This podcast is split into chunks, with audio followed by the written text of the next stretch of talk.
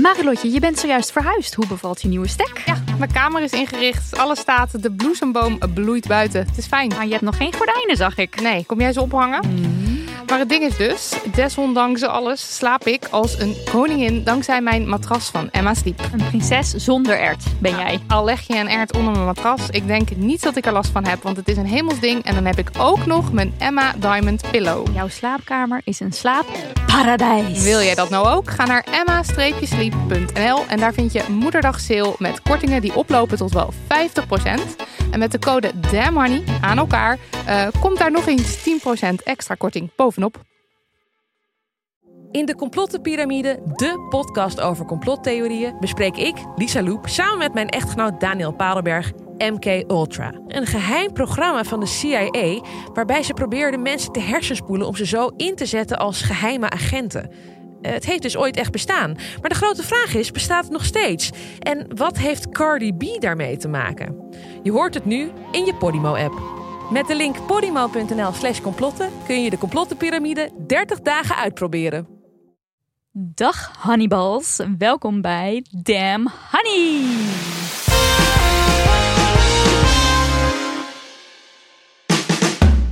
Podcast over shit waar je als vrouw van deze tijd mee moet dealen. Mijn naam is Nidia En ik ben Marilotte. en dit is aflevering 169. En vandaag aan tafel bij ons illustrator en auteur Marloes de Vries. Of, zoals mensen haar misschien kennen van Instagram, Marloes de V. Eh, eind vorig jaar verscheen haar boek Kinderen krijgen is optioneel. Eh, waarom niet alle vrouwen moeder willen worden. En met haar gaan we het dan ook zo uitgebreid hebben over gewenst kindvrij leven. Eh, wat fijn dat je er bent. Welkom. Ja, heel leuk om hier bij jullie te zijn. Hallo. Nou doe jij los van je illustratiewerk en je eh, boeken schrijven ook iets geweldigs, wat mij enorm inspireert, namelijk geweldige kunstwerken maken, waarop heel veel mooie luchten te zien zijn. En dankzij jou wil ik me dus ook dit jaar zelf gaan richten op eh, luchten schilderen en vooral wolken fotograferen, zelf proberen te schilderen en al dat soort dingen. Eh, ben je al lang bezig met echt, ehm, eh, ja, echt het schilderwerk? Ehm, nou, ik deed het eerst op de kunstacademie. Mhm. En toen ben ik afgestudeerd. En heb ik echt jarenlang niet meer geschilderd. Want ik ben afgestudeerd in 2007. En in 2020 ben ik weer begonnen. Ehm, dus er zit een heel groot gat tussen. En ik heb- ben altijd al gefascineerd geweest door luchten. En dan vooral roze luchten. Ja, ja, dat vind Ja, ik er zo geweldig prachtig. aan. Oh, dat is gewoon zo- gewoon zo'n klein momentje op de dag dat je dat ziet. En het Ja. is, als je even met je ogen knippert, dan ben je het gewoon, heb je het al gemist. Ja. Dus dat vind ik zo wonderlijk om dat dan urenlang te geschilderen. Omdat je dan zo intens bezig bent met dat mini mini momentje. Ja. En doe je dat dan aan de hand van een foto? Of ga je echt ergens zitten en kijken naar de lucht? Nee, want dan moet ik het heel snel ja, dan moet je heel snel zijn en het gaat onthouden. Eh, ik maak wel heel veel foto's van luchten, maar dan krijg je nooit die intensiteit zoals je zelf ook weet. Als je een foto van een mooie lucht Nee, je maakt, kan het nooit goed op de foto Nee, zetten. klopt. zie je het op foto en denk je van, wat is dit nou weer voor een poep? Ja. Maar jij kan het dus wel schilderen. Ja, je kunt het wel schilderen. En daarom had ik die behoefte ook van. Ik kan het nooit vastleggen op camera. Dus ik moet het gaan schilderen. Ja. Eh, dus ik maak heel veel foto's. En dan schilder ik er niet exact na. Maar ik probeer ook heel erg, het klinkt een beetje vaag, maar heel erg op emotie te schilderen. Van Oh ja. hoe voelde ik me toen ik dat zag? En hoe zie ik dat ook voor me? eh, hoe die roze lucht eruit zag. Dus het klopt misschien niet helemaal. Maar het is wel echt heel persoonlijk. Nou, ja, het- ik, ik, wil het aan mijn muur. Ik moet even sparen, maar ik wil het aan mijn muur. ik fiets nu met die vrouw door de stad en zit ze... "Oh, kijk, die wolken. Dus, maar, maar eh, het is heel vaak heel mooi. En dan helemaal nu, want Ja. dan als je zo'n strak blauwe lucht hebt, hebben we de laatste paar dagen een beetje wel gehad. En dan eh, dat net het richting schemer gaat en dan die, die zon laat. maar die, die laagstaande zon de hele tijd nu eh, waardeer ik wel enorm. Kan niet anders de zeggen. kleine dingen De kleine dingen in het en daar dan leven. van Nou, genieten. Dat is een skill. Ja, oké. Maar we gaan nu eerst op de feministische biechtafel. Oh. Eh, ja, Nidia van Voorthuizen. Eh, hoe ging jij de feminist in deze week? Nou, ik ben wel benieuwd of, wat jullie hiervan vinden. Want ik weet niet of het een femimisser is. Benieuwd. Er is iemand op Instagram die zie ik af en toe voorbij komen in de Insta-reels. Ik ken deze persoon verder helemaal niet. Maar als ik dan haar voorbij zie komen, denk ik, oh cool, leuk mens. En toen postte zij dus een video waarin ze ging vertellen dat ze ehm, een neuscorrectie ging laten doen. En toen was ik extreem teleurgesteld. en daarvan vraag ik me af of dat wel of niet een femimisser is.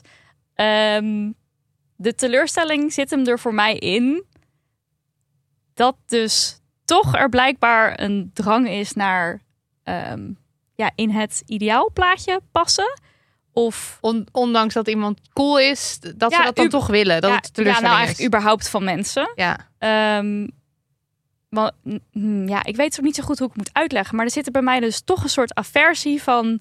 Hè, wat jammer dat je nou dat wil laten doen. Ik zou het nooit naar haar sturen. Ik zou het ook niet achter haar rug om tegen vrienden gaan zeggen. Maar dus daarom, hier kan je ook afvragen... Ja, is dat een feminisser? Je kan dat best denken. En als je dat verder voor jezelf houdt, ja, is dat dan erg? Ja, Oké, maar het zijn ook de gedachten die je hebt natuurlijk. Het is een, misschien een Ja. feminissende gedachte.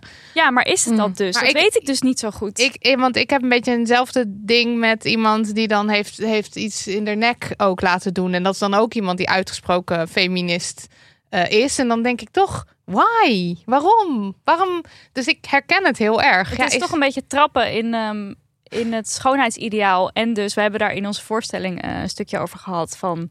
Het zijn gewoon bedrijven die jou vertellen... je bent lelijk, je bent lelijk, je bent lelijk. Nou, je wordt onzeker. En dat is het beste verdienmodel ongeveer wat er is. Want mensen gaan dan alles proberen te doen... om Mm. een lekker gevoel over zichzelf te krijgen. En wanneer krijg je dat? Als je voldoet aan al die dingen... die die bedrijven de hele tijd aan jou, aan jou vertellen. Ehm, en ik vind het dan jammer als iemand daarin trapt. Tegelijkertijd kan je natuurlijk zeggen: ja, maar als zij een rotgevoel over haar neus heeft, precies. why not? En als het haar ook want het zal helpt. haar dan Ja. ongetwijfeld een ontzettend opluchtend en prettig gevoel geven. En die video die was ook heel erg van: nou, ik ga dit gewoon even lekker laten doen en ik kijk er naar uit en Ja. eh holla die. Zit het hem niet ook in dat je mensen misschien ziet als een rolmodel of Ja. als iemand die eh, tegen of tegen wie je opkijkt of in ieder geval met in wie je een gelijkgestemde ziet? Ja, misschien. En dan zo iemand, tenminste, ik ben altijd op zoek naar coole mensen ehm, die ik ofwel op Insta of om me heen heb. En dat je dan, ja, ik weet niet, je daar toch mee vergelijkt. En dan is dat gewoon, dat past dan niet in dat plaatje van coole mensen. Want Ja. ik heb liever dat de mensen tegen wie ik opkijk ook gewoon. Eh, he- he- nou ja, daar niet intrappen Ja. in dat wat wij bespreken altijd Ja, over dat- het schoonheidsideaal. Weet je Dat waar ik wel, meteen aan moest denken? Ik had dat heel erg met Adele. Toen Adele in één keer heel erg was veel... afgevallen. Ik ben altijd heel erg fan van Adele geweest. Ook Ja. hoe ze is natuurlijk als persoon. En ze is daarin niet veel veranderd. Maar ik was heel erg teleurgesteld. Vond ik heel slecht van mezelf. Dat, ze, dat ik haar niet meer zo leuk vond. Want ik ben een dik persoon. En ik vind het dus heel fijn om leuke, dikke rolmodellen te Ja, zien. ja. Dus dacht ik, oh, maar... En het is nog steeds dezelfde persoon. Maar ergens in mijn hoofd dacht ik van, oh, wat jammer. Ja, ja, Ja. ja. Er wordt een soort bubbel doorgeprikt, denk ik. Eventjes. Een soort Ja. illusie die dan Het zit hem voor mij denk ik ook wel in het normaliseren van Mhm. van Snap ik. plastische chirurgie, maar ook in het algemeen denk ik, ehm, bijvoorbeeld in ehm, ehm, ja, bepaalde trends met hoe je er, of trends, ja, ik weet niet of het trends kan noemen, hoe je eruit moet zien. En als mensen daar heel open en eerlijk over eh, Insta-reels maken, is dat ergens heel erg aan te moedigen natuurlijk. Want het is goed als dingen opengegooid worden. En tegelijkertijd geeft het ook het beeld van, oh, maar hoe ziet mijn neus er dan eigenlijk Ja. uit? Niet dat ik zelf die gedachte had, maar ik kan me voorstellen dat mensen dat denken op het moment dat je die video voorbij ziet Ja, en het is natuurlijk omdat wij ook eh, weten wat praten over dingen kan doen. Namelijk dat mensen zich eh, niet meer alleen voelen of iets durven wat ze niet durfden. Het is natuurlijk ook zo dat als je helemaal oud en die open iets aan eh, cosmetische chirurgie doet, dat mensen misschien denken: oh, dan ga ik, oh, dit trekt mij over de streep of zo. Wat, maar je hebt als individu natuurlijk ook niet die Nee, verantwoordelijkheid. precies, dus die kan je ook niet bij iemand leggen. Ja, Maar ik, ja, maar ik vind het toch jammer. maar ik heb altijd ingewikkelde gevoelens bij dit soort dingen. Ja. Bij allerlei cosmetische ingrepen. Eh, ook, om, ook, om, ook omdat het gewoon zo'n zo'n kapitalistische kutscheme is eigenlijk. om mensen maar gewoon te vertellen dat ze niet goed genoeg zijn. Ja. En eh, ja, ik zou gewoon liever willen dat we daar met z'n allen niet intrappen. Maar ja, ik, ik, ben, ik ben er zelf ook nog steeds gevoelig voor. Dus kan het iemand ja. anders ook niet kwalijk nemen. Vrijwel iedereen uiteindelijk. Ja. Ja, goed. Je kan er een aflevering over vullen. Nou, dat willen we dus ook heel graag. Marilotte Hagen, Nou, op er- de biechtbank. Ik heb er eentje die hierop aansluit. Misschien ben je nu ook wel teleurgesteld in mij. Ehm, omdat ik dus een tikkeltje aan de stressende, st- stressende kant ben. Ik ben een beetje wiebelen die piebeli. Dat weet iedereen inmiddels ook wel. Ehm, eh, is mijn eetlust dus afgenomen. Ik, vind echt, ik heb echt minder eetlust. Je En bent me lekker aan het afvallen. nou meid, Ik, maar, zeg maar, ik heb nu een broek aan waar ik mezelf de hele tijd in moest proppen. En dat hoefde dus nu niet. Ook al komt die vers uit de was. En ik, Rader. stond, en ik stond zo voor de Ja. spiegel en ik dacht, ja, ja, Marloes is zojuist boos weggelopen. spijt me. Die zat net nog aan tafel, die is nu Die niet is er niet meer. Dit is nog haar, haar kakelende lach klinkt nog na. Oh, ja, dit is het classic ding dat je dan vertelt aan iemand van... Ja. oh, ik heb zo'n verschrikkelijke periode. En dan, maar meidje, bent, je valt wel Ja, lekker bij maar ik zei dit dus tegen mezelf in de spiegel. Meid in ieder geval, hè? Nee, ik zei dat niet echt in de spiegel. Maar Ja. het is een beetje zo'n... Ja. Ja, eh, ja ik, ik was gewoon tevreden opeens. Dat ik dacht... Oh, Ja. nee. Maar het is ook wel een beetje omdat... ehm, kleren soms zo strak gaan zitten. En dat vind ik gewoon... Dat, dan vind ik aankomen niet per se erg. Maar dan pas je niet meer in je kleren. Dan moet je opeens een nieuwe garderobe. En nu opeens lijkt het alsof mijn garderobe weer beter past. Dus daar zit het ook een beetje Ja, in hoor. Maar ja. ik vond toch niet... Oké, het mag. Vooruit. Oké. Nee, grapje. Maar het zit niet in het, op het vlak dat jij vindt van... oh, nu voel ik, nu voel ik me meer Waard. waard. Nee, zo. daar zit het hem niet in. Maar ik was toch tevreden. En Ja. dat viel me toch tegen. Ik denk dat dat mag hoor. Ja. Echt. Oké, Nee, ja, bedankt. ik ook. Ja, Nee, ik- zeker. Maar, Maar- mag sowieso natuurlijk. nee, maar je- Alleen, ik ja. denk niet dat je daar zo streng over hoeft te zijn. En zo. Weet je, het is het belangrijkste dat je goed in je vel zit. Ja, precies. Ja. Ja, en nee, dat, dat kan ook dat kan ook met kilo's minder. Kan je ook Ja, beter in je vel zitten. Ja. Alleen de vraag is dan altijd van waar komt dat dan precies Waar komt vandaan? het vandaan? Ja. exact. En Ja. tegelijk, ja. Hm, ja, oké. ook, ja, hier kan ik dus ook heel lang over praten. Marloes, heb jij nog iets om op te biechten? Nou, ik zat over na te denken. En ehm, ik vond het vroeger best wel stoer van mezelf om te zeggen bijvoorbeeld ja, dat ik een tomboy was. Weet je? Oh ja, ja, Oh, ja, ja. ja. ja. Oh, toch goed met. Misschien Ja. hebben jullie al honderd keer gehoord. Maar daar zat, dat was het eerste wat in me opkwam. En nu denk ik van, ja, wat belachelijk. Ja. Dat je one of the guys wil Ja, zijn. one of the Ja, guys. dat, hè? Absoluut Ja. niet Oh, zo'n zeikert. Nee, oh my was god, meisje, met meisje. make-up. Nee. Oh, ik ben geen meisje, meisje hoor. Plastische Nee, chirurgie, hell no. Anders dan andere meisjes hoor. Ja, dat. Ja. Oh ja, Ja. heel herkenbaar. Oh, en dan denk ik nu echt wel van, oh, wat erg dat ik dat dacht. Ja. Ja, dat, daar schaam ik me wel Maar dat is, niet, dat voor. is niet iets wat je nu nog denkt. Dat is van vroeger. Ja, maar ik kon zo niet... Ik doe dat vast wel, maar ik heb het nu niet helemaal door. Zo dat ik dan... Ik, ik denk dat ik vast wel van die feminist, feminissers, jeetje wat een moeilijk woord, Ja. eh, heb. Maar ik realiseer ze nog, nog niet. Dus ik denk dat dat nog dan wel komt. Hmm. Maar het is een goeie. Tijd voor post. Post. Hoi Nidia en Marilotte. Hallo. En Marloes. Hallo. Ik heb een dilemma en ik denk dat dit een feministisch dilemma is. Voor mijn werk als ecoloog doe ik onder andere onderzoek naar de aanwezigheid van vleermuizen. Dit doe ik s'nachts in verschillende gebieden. Stukken bos, verlaten gebouwen, boerderijen en veel in buurten met sociale huurwoningen. In het laatste geval zorgt dit wel eens voor vreemde situaties. Vaak zijn de bewoners door de woningbouwvereniging niet goed op de hoogte gesteld. Ik kan het mij voorstellen dat je ontzettend schrikt als er om drie uur s'nachts iemand door je straat patrouilleert met een vreemd apparaat, de zogenaamde bad detector, in dienshand, en met een zaklamp op je huis schijnt. Ik zou me ook echt kapot schrikken. Helemaal. Als mensen vragen hebben, leggen wij natuurlijk uit wat we aan het doen zijn. En ook de politie is altijd van tevoren op de hoogte. Toch is het meerdere keren gebeurd dat bewoners of voorbijgangers dreigend en vervelend gingen doen. Vorig jaar zou er bijvoorbeeld een hond op mij afgestuurd worden als ik niet heel snel maakte dat ik wegkwam. In onveilige situaties gaan wij weg en is het aan de opdrachtgever om te zorgen dat er beter gecommuniceerd wordt voor wij terugkomen. Vorig jaar was het dan ook beleid om vanwege de veiligheid altijd met minstens twee personen naar een locatie te gaan. Ook als het bijvoorbeeld om maar één gat in de muur gaat waar je echt niet met twee personen naar hoeft te gaan kijken. Echter, dit gaat komend jaar mogelijk veranderen. Veel bedrijven sturen vleermuisonderzoekers al alleen op pad, wat de kosten voor deze onderzoeken natuurlijk omlaag brengt.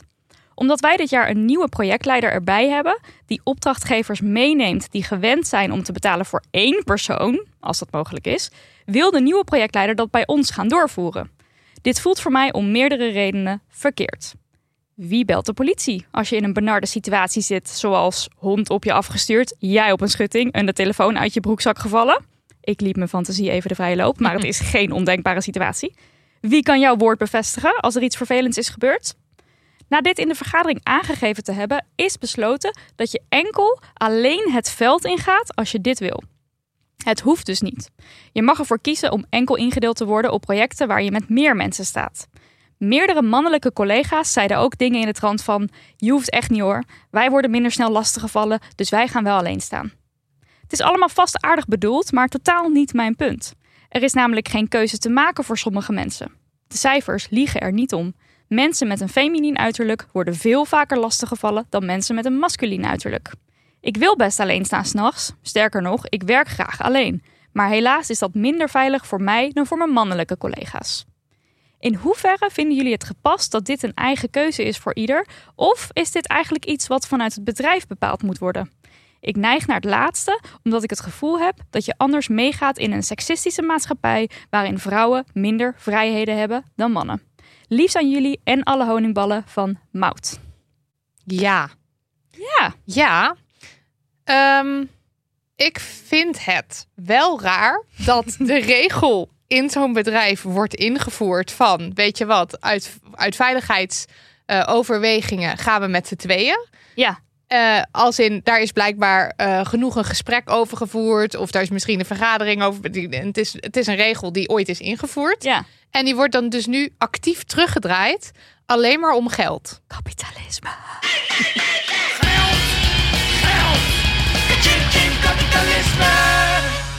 En dat vind ik erg fucked up. Ja, het is ook heel raar, want er is op het veiligheidsgebied of de veiligheidservaring van mensen, is er in principe niks veranderd. Het is niet zo van, oh nou, we hebben nu vijf jaar gezien dat er geen incidenten zijn, alles gaat goed. eh, dus de keuze is nu om mensen alleen te sturen.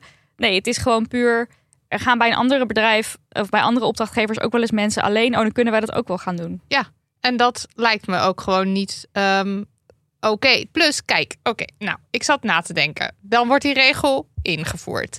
En dan heb je mensen die zeggen, ja, ik durf dat wel. Ehm, maar dan krijg je dus een heel raar verschil in. eh, nou, als het gaat over mannen bijvoorbeeld, eh, die voelen zich misschien eh, ge- gedwongen om te zeggen: Ik durf dit wel of zo. Ja. Omdat andere mannen dan ook zeggen: Ik durf dit wel. En de vrouwtjes, die, die krijgen dan een beetje het stempel van: eh, die zijn weer bang en die durven dat niet. Mm. En zo krijg je dan toch ook een hele rare situatie in wie dan een prettige werknemer is voor de werkgever en wie dan misschien ook aangenomen gaat worden of Ja. zo. Omdat je natuurlijk ook, ja, je wilt dan dus werknemers die niet bang zijn om alleen te gaan. En dan ga je daar misschien op selecteren. Terwijl het gewoon belangrijk is dat iedereen zich in de basis even veilig voelt. Ja. En daar zat ik ook aan te denken. Dat dat echt ongelijkheid weer creëert. Want het is niet zo dat vrouwen niet willen. Nee, het kan niet altijd. Het is vaak onveiliger voor vrouwen. Ja, of in ieder geval hebben ze dat gevoel. Want wij, Ja. wij hadden een beetje dat we. Ehm, was in de cijfers gedoken. ja, precies. Oh, dat- ja, want we hadden Mout ook even gevraagd van je schrijft van de cijfers liegen er niet om of iets dergelijks. Van welke cijfers bedoel je dan? En toen stuurde Mout cijfers terug over ehm, straatintimidatie, maar dat ging wel specifiek over jonge mensen. En dan geven dus meer vrouwen aan dat zij ook vaker st- last hebben van straatintimidatie. Maar als je kijkt naar cijfers over het algemeen van geweld op straat, hebben mannen daar bijvoorbeeld vaker mee te maken dan vrouwen. Het is ook weer niet zo dat mannen eh 50% meer kans hebben of zo. Eh, iets van 15% geloof ik, zoiets. Maar in principe hebben mannen meer kans op geweld. ja, Op seksueel geweld hebben ehm, vrouwen meer. vrouwen meer kans. En mannen hebben weer meer kans op ehm, mishandeling en bedreiging, zegt het CBS. Maar er is ook zoiets als een gevoel van veiligheid. En vrouwen die voelen zich duidelijker, eh, duidelijk vaker wel eens onveilig dan mannen. Met 42 tegenover 24 procent, zegt het CBS. En dit is iets interessants, want wij hebben het ook best wel vaak in deze podcast gehad over ehm, eh, het monster in de bosjes. Waar we eigenlijk heel erg vanaf jongs af aan mee worden opgegroeid. Ja. Dat er een monster in de bosjes zit. Er zijn ook heel vaak situaties eh, die vrouwen meemaken waarbij het onprettig is. eh, en dus straatintimidatie, noem het allemaal maar op. Het monster in de bosjes bestaat ook. Ik heb hier wel eens iets stelliger gezegd van het is een mythe. Eh, en toen werd ik ook op mijn vingers getikt. Ik moet nog steeds terugmailen naar deze persoon. Dat is echt al een jaar, geleden. Maar dat denk ik heel vaak aan. Want het Ja. is natuurlijk niet zo dat het nooit gebeurt.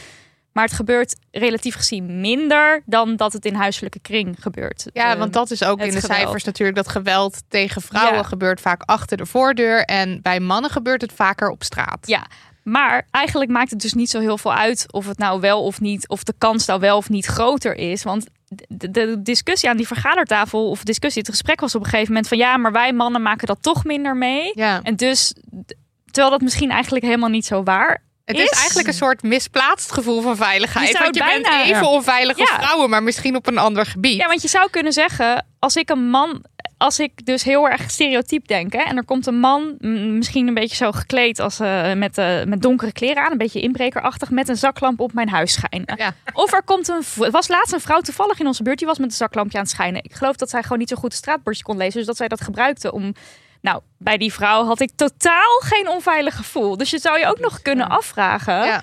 ehm, is het echt zo dat vrouwen eh, minder, eh, meer kan? Ik weet het Ja, gewoon niet. Maar want- gaat het dus eigenlijk volgens mij in de basis niet om. Nee, maar ik- want ik zat ook te denken, dan heeft Mout het over, eh, er wordt een, een, een, een hond op je afgestuurd of zo. Dat is, tenminste, als ik, als ik dat in erg, ergens zou moeten indelen, zou ik zeggen, dat, is, dat zijn geweldsdelicten. Dat Ja. is meer de, de mishandeling, De bedreiging, bedreiging, hoe noem je dat, categorie. Ja. En daar hebben mannen eigenlijk veel meer mee te maken. En de straatintimidatie die ze stuurt, ik, ik weet niet, zeg maar, ik zou die er niet meteen opleggen. Ik snap wel wat ze bedoelt. Ja, Ehm, en daar zit inderdaad dat hele onveilige gevoel wat we allemaal hebben ook heel erg in. ja. Ehm, maar ja, misschien is het dus feitelijk wel zo dat mannen eigenlijk meer gevaar lopen in deze specifieke situatie. Ja, dat zou kunnen. kunnen.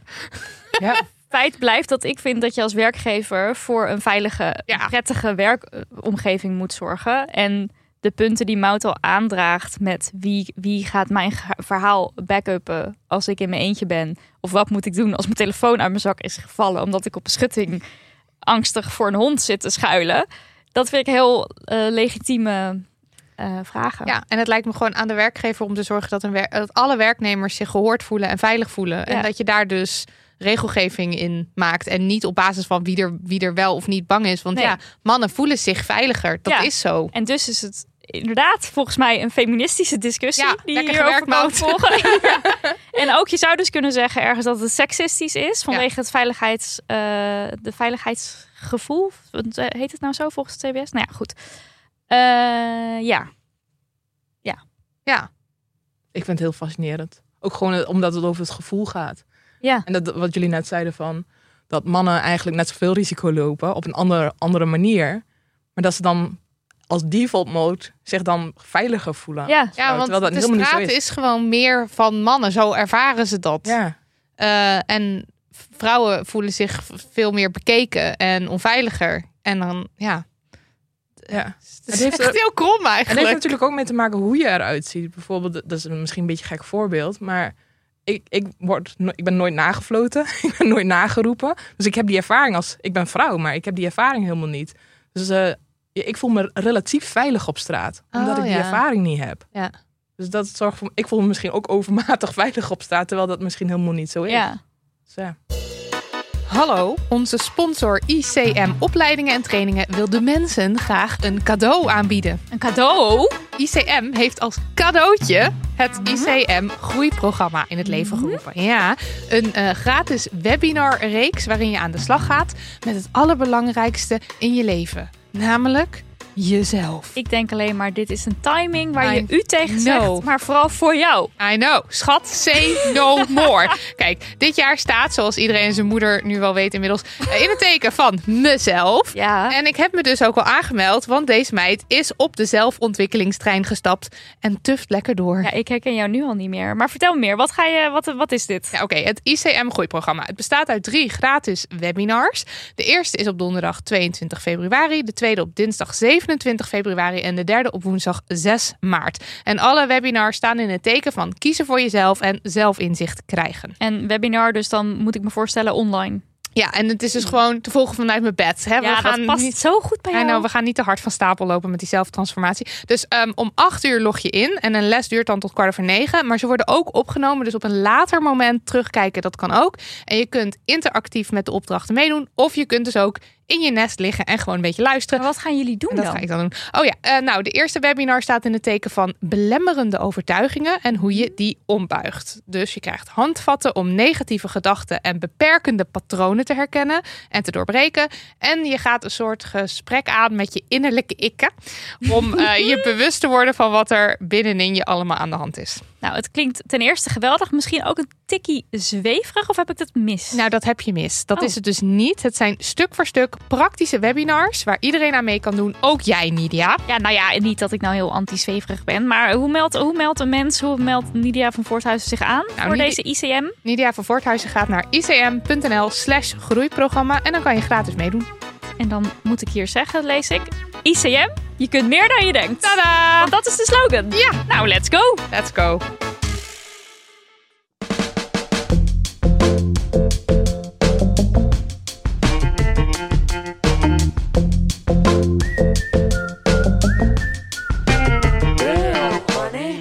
Moeten het even hebben over gewenst kindvrij leven. Want, zoals de boektitel van Marloes de Vries mooi luidt, kinderen krijgen is optioneel.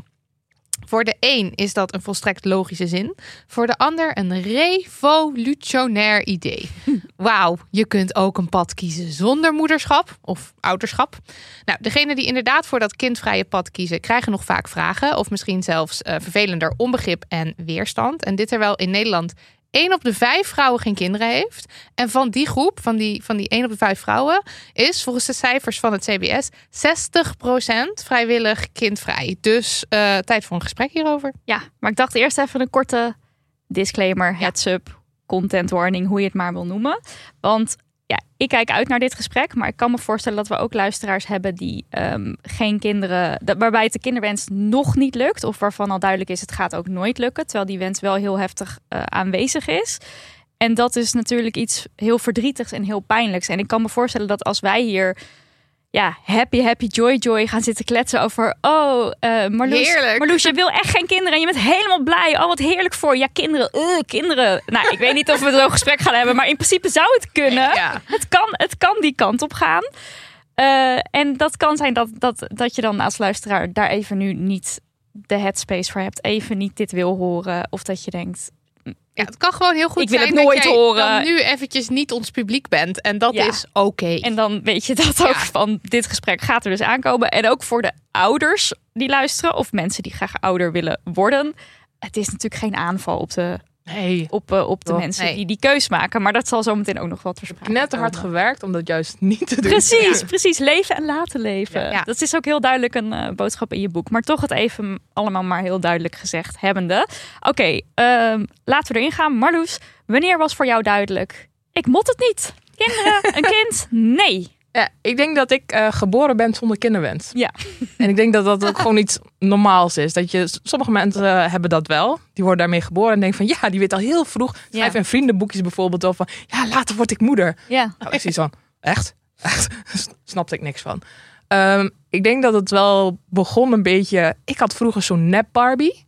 En die had dan eh, zo'n bol buikje, zo'n Ja. Oh. Ken je die nog? Ja, nee, ja. volgens- nee, wacht. Volgens mij. Gaat een belletje rinkelen En die zat toch in de Barbie-film? Hij zat in de Barbie-film en hij was discontinued, toch? Omdat het toch een beetje raar was of zo. Ja, Nou. Ik had hem hoor, ik had hem. Maar volgens mij, er, er komt opeens iets terug dat ik hem misschien ook wel had. Of in ieder geval dat een vriendin van mij hem had of zo. Je kon dat buikje openmaken en er zat dan een Het is kind echt in. very disturbing. Ja.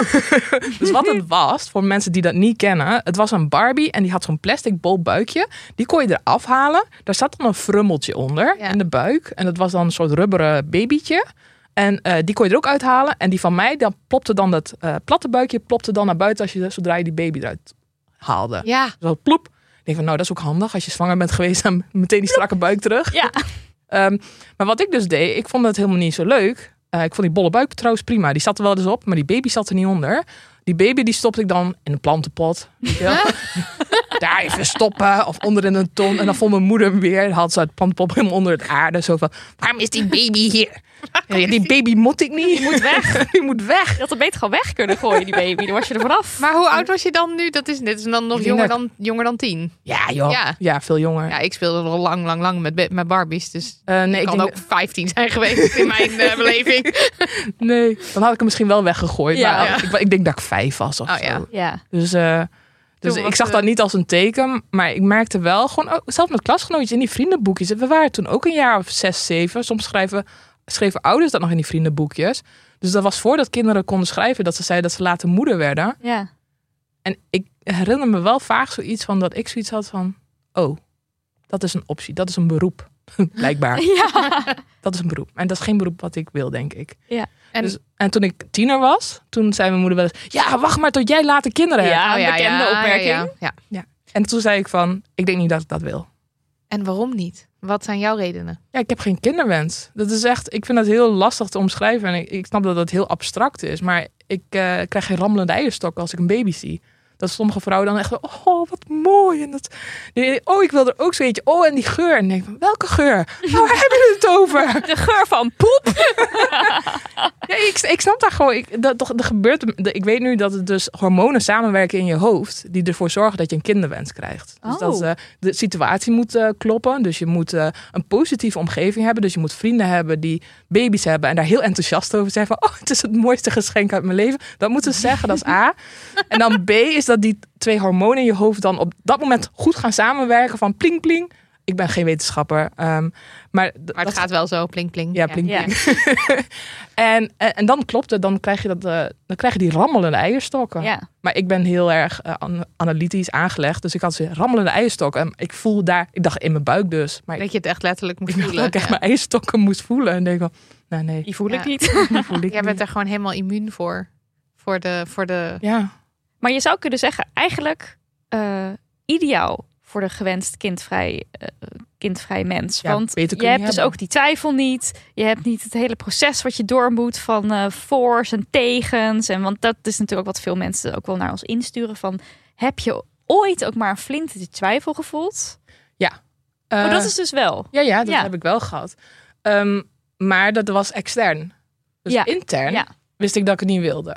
Extern kreeg je dan zo van, toen ik een jaar of, ik denk 28, 29 was, dat mensen dan gaan zeggen van, dan vroeg ze van, eh, ja, wil je later kinderen? Ik zei, nou, denk het niet, maar ik kan altijd van mening veranderen. Ik liet altijd dat deurtje open. Ja, ja. Want, want dan krijg je het minste kritiek. Als iemand een tip daarover wil, gewoon zeggen, als je denkt dat je het niet wil, zeg gewoon van, ik denk dat ik het niet wil, maar wie weet verandert het. Want dan zijn mensen al gauw uitgepraat, want dan gaan ze je ook niet overtuigen. En dan heb je, creëer je voor jezelf meer ruimte om die beslissing later te maken. Ja. Dus dat werkt heel goed. Maar maakte dat, dat dan ook dat jij wel dan die twijfel voelde? Of zeg maar omdat je dat deurtje naar anderen openliet, dat je ook zelf ging twijfelen? Of was die twijfel er eigenlijk niet? Ehm, in mij niet. Nee. Dus ik voelde wel heel sterk van, ik wilde niet. Maar ik ben iem- iemand die heel erg open overal in staat.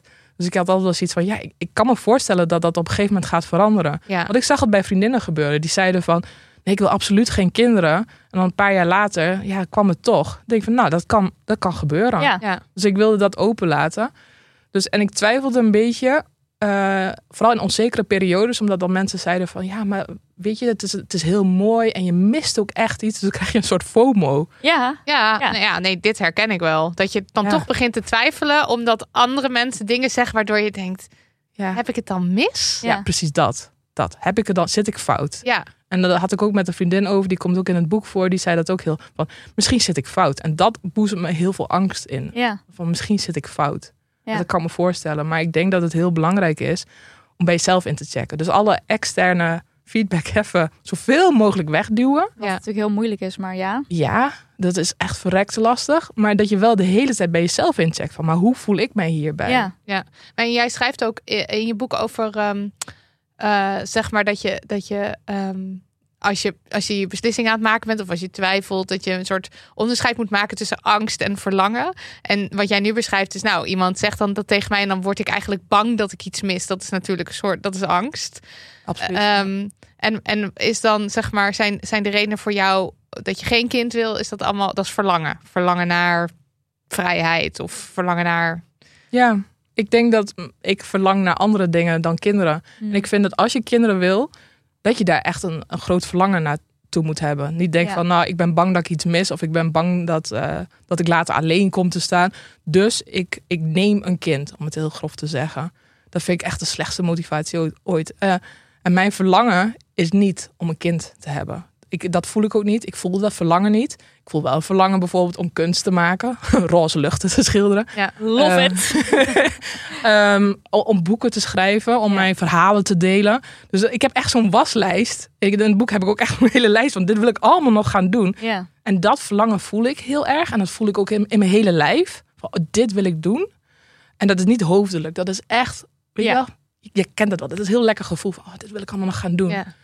Dus dat, dat volg ik. En dat verlangen van een kind, dat, dat heb ik En niet. Ja, dat dus- gevoel wat jij omschrijft, dat hebben natuurlijk mensen die wel kinderen, Kinderen willen, die hebben Precies dat dit, maar daarbij. dan met een kind. Ja, Ja. dus dat is eigenlijk heel goed, heel goed iets om op af te gaan. Dat als je zeker weet dat je iets heel leuk vindt, maakt niet uit, iets in je leven. Iets En waar dan, je de spark van voelt. en dan dat gevoel leggen op het idee van wil ik een kind Ja. of niet. En als je dat dan niet voelt, in, wil je het in ieder geval misschien dan nu niet. Ja. Ja. Er was ook iemand die stuurde: Ik heb het syndroom van Turner en kan dus geen kinderen krijgen, maar ook nooit behoefte aan kids gehad. Lang gedacht dat er iets mis was met mij. Heb jij dat ook ervaren? Of is dat voor jou altijd een: Ja, dit is nou eenmaal wat het is? Nee, dit herken ik wel. Want ik heb ook een tijdje gedacht van... Nou, op een gegeven moment dan kom je in die, die soort tsunami van kindergeboortes terecht. Ehm, en dan krijgen al je vriendinnen kinderen. Eh, in mijn omgeving kregen opeens heel veel mensen kinderen. Heel enthousiast. En ik denk, ik voel hier niks bij. Oh, ma- mij mankeert iets. Oh, Ja. er is echt iets mis met mij. En Kinderhater. ja, en dan zeiden ze van, je houdt vast, dan, dan voel je het ook. En dan zat ik daar met het kind schudden zo van, hey, Shaken baby syndrome, al die kinderen. heb ik niet gedaan. Alle, alle baby's leven. Heel goed. Ehm, ja, dat, dat, Maar dat dat. dat, dat twijfelde ik wel. Ja. Toen dacht ik van, is er iets mis met mij? Wat, wat mankeert mij? En dat was ook het moment. eh, dat is echt jaren geleden. Ik denk dat ik rond de 31, 32 was. En toen heb ik een artikel daar ook over geschreven. Omdat ik toen op onderzoek uitging van... Oké, ik denk dat er iets mis met mij is. Dus ik ga echt research doen. Alle boeken lezen die ik kan vinden. Om erachter te komen, wat zijn rammelende eierstokken? Hoe werkt dat? Waarom heb ik dat niet? ja. En waarom denk je dat mensen denken dat er iets mis met hen is? Omdat je afwijkt van wat wij gewoon achten. Ja. Daarom ga je twijfelen, denk ik, aan jezelf. Het, wij zijn natuurlijk groepsdieren, Ja. van, eh, biologisch gezien. Dus we willen bij de, om ons veilig te voelen, moeten we bij de groep horen. Nou ja, en als je dan zegt van, ik wil geen kinderen, dan zijn mensen heel afwerend. Dat heb ik ook gemerkt. Tenminste, de, de, de niet juiste mensen in je leven die zeggen van, oh, en dan gaan ze afstand van je nemen. Oh, fysiek ook echt bedoel Nou je? ja. Dat ze een stapje naar achter van oeh. Ja, dan merkte ik wel dat je, je moet maar eens opletten. Als Ja. je iets doet wat niet strookt met wat de meeste mensen doen, dat mensen echt wel even afstand nemen. Ja, dat ze, Ja. dat ze dan gewoon niet... Dan denken ze, ik moet niet hiermee besmet worden... of niet hiermee geassocieerd worden... want dan hoor ik ook niet meer bij de groep. Ja. Ja, Ja. ja, ja. Dus ehm, daarom vinden, wat ik als feedback vaak terugkrijg van die vrouwen die dus geen kinderwens hebben, is dat ze het heel spannend vinden om daar mee naar buiten te komen. Omdat ze dus bang zijn dat ze dan er niet meer bij horen. Daarom pleit ik ook zo hard van, laten we dat loslaten. Dat het niet van eh, een vakje in kleur is van moeder of niet moeder.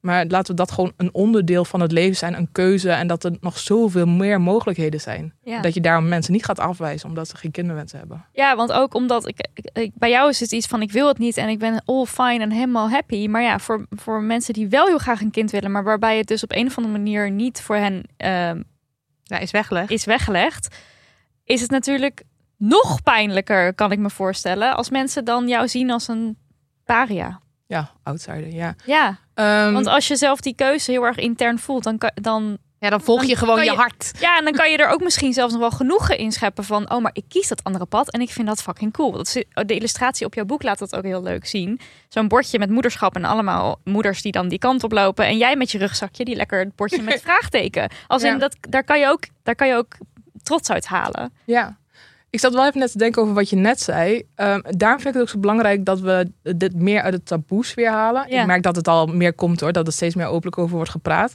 Maar echt een paar jaar geleden was dit zo taboe. Dat was echt, toen ik aan mijn boek begon, was het echt nog wel oh, best wel pittig. Ja. Ehm, en juist ook voor de vrouwen die geen kinderen kunnen krijgen en dat wel zouden Mhm. willen, vind ik het juist zo belangrijk om te zeggen van wat er ook gebeurt, of je nou wel met kinderen door het leven gaat of zonder, alles is oké. Dus Ja. dat we daar vrouwen niet meer op aan gaan kijken.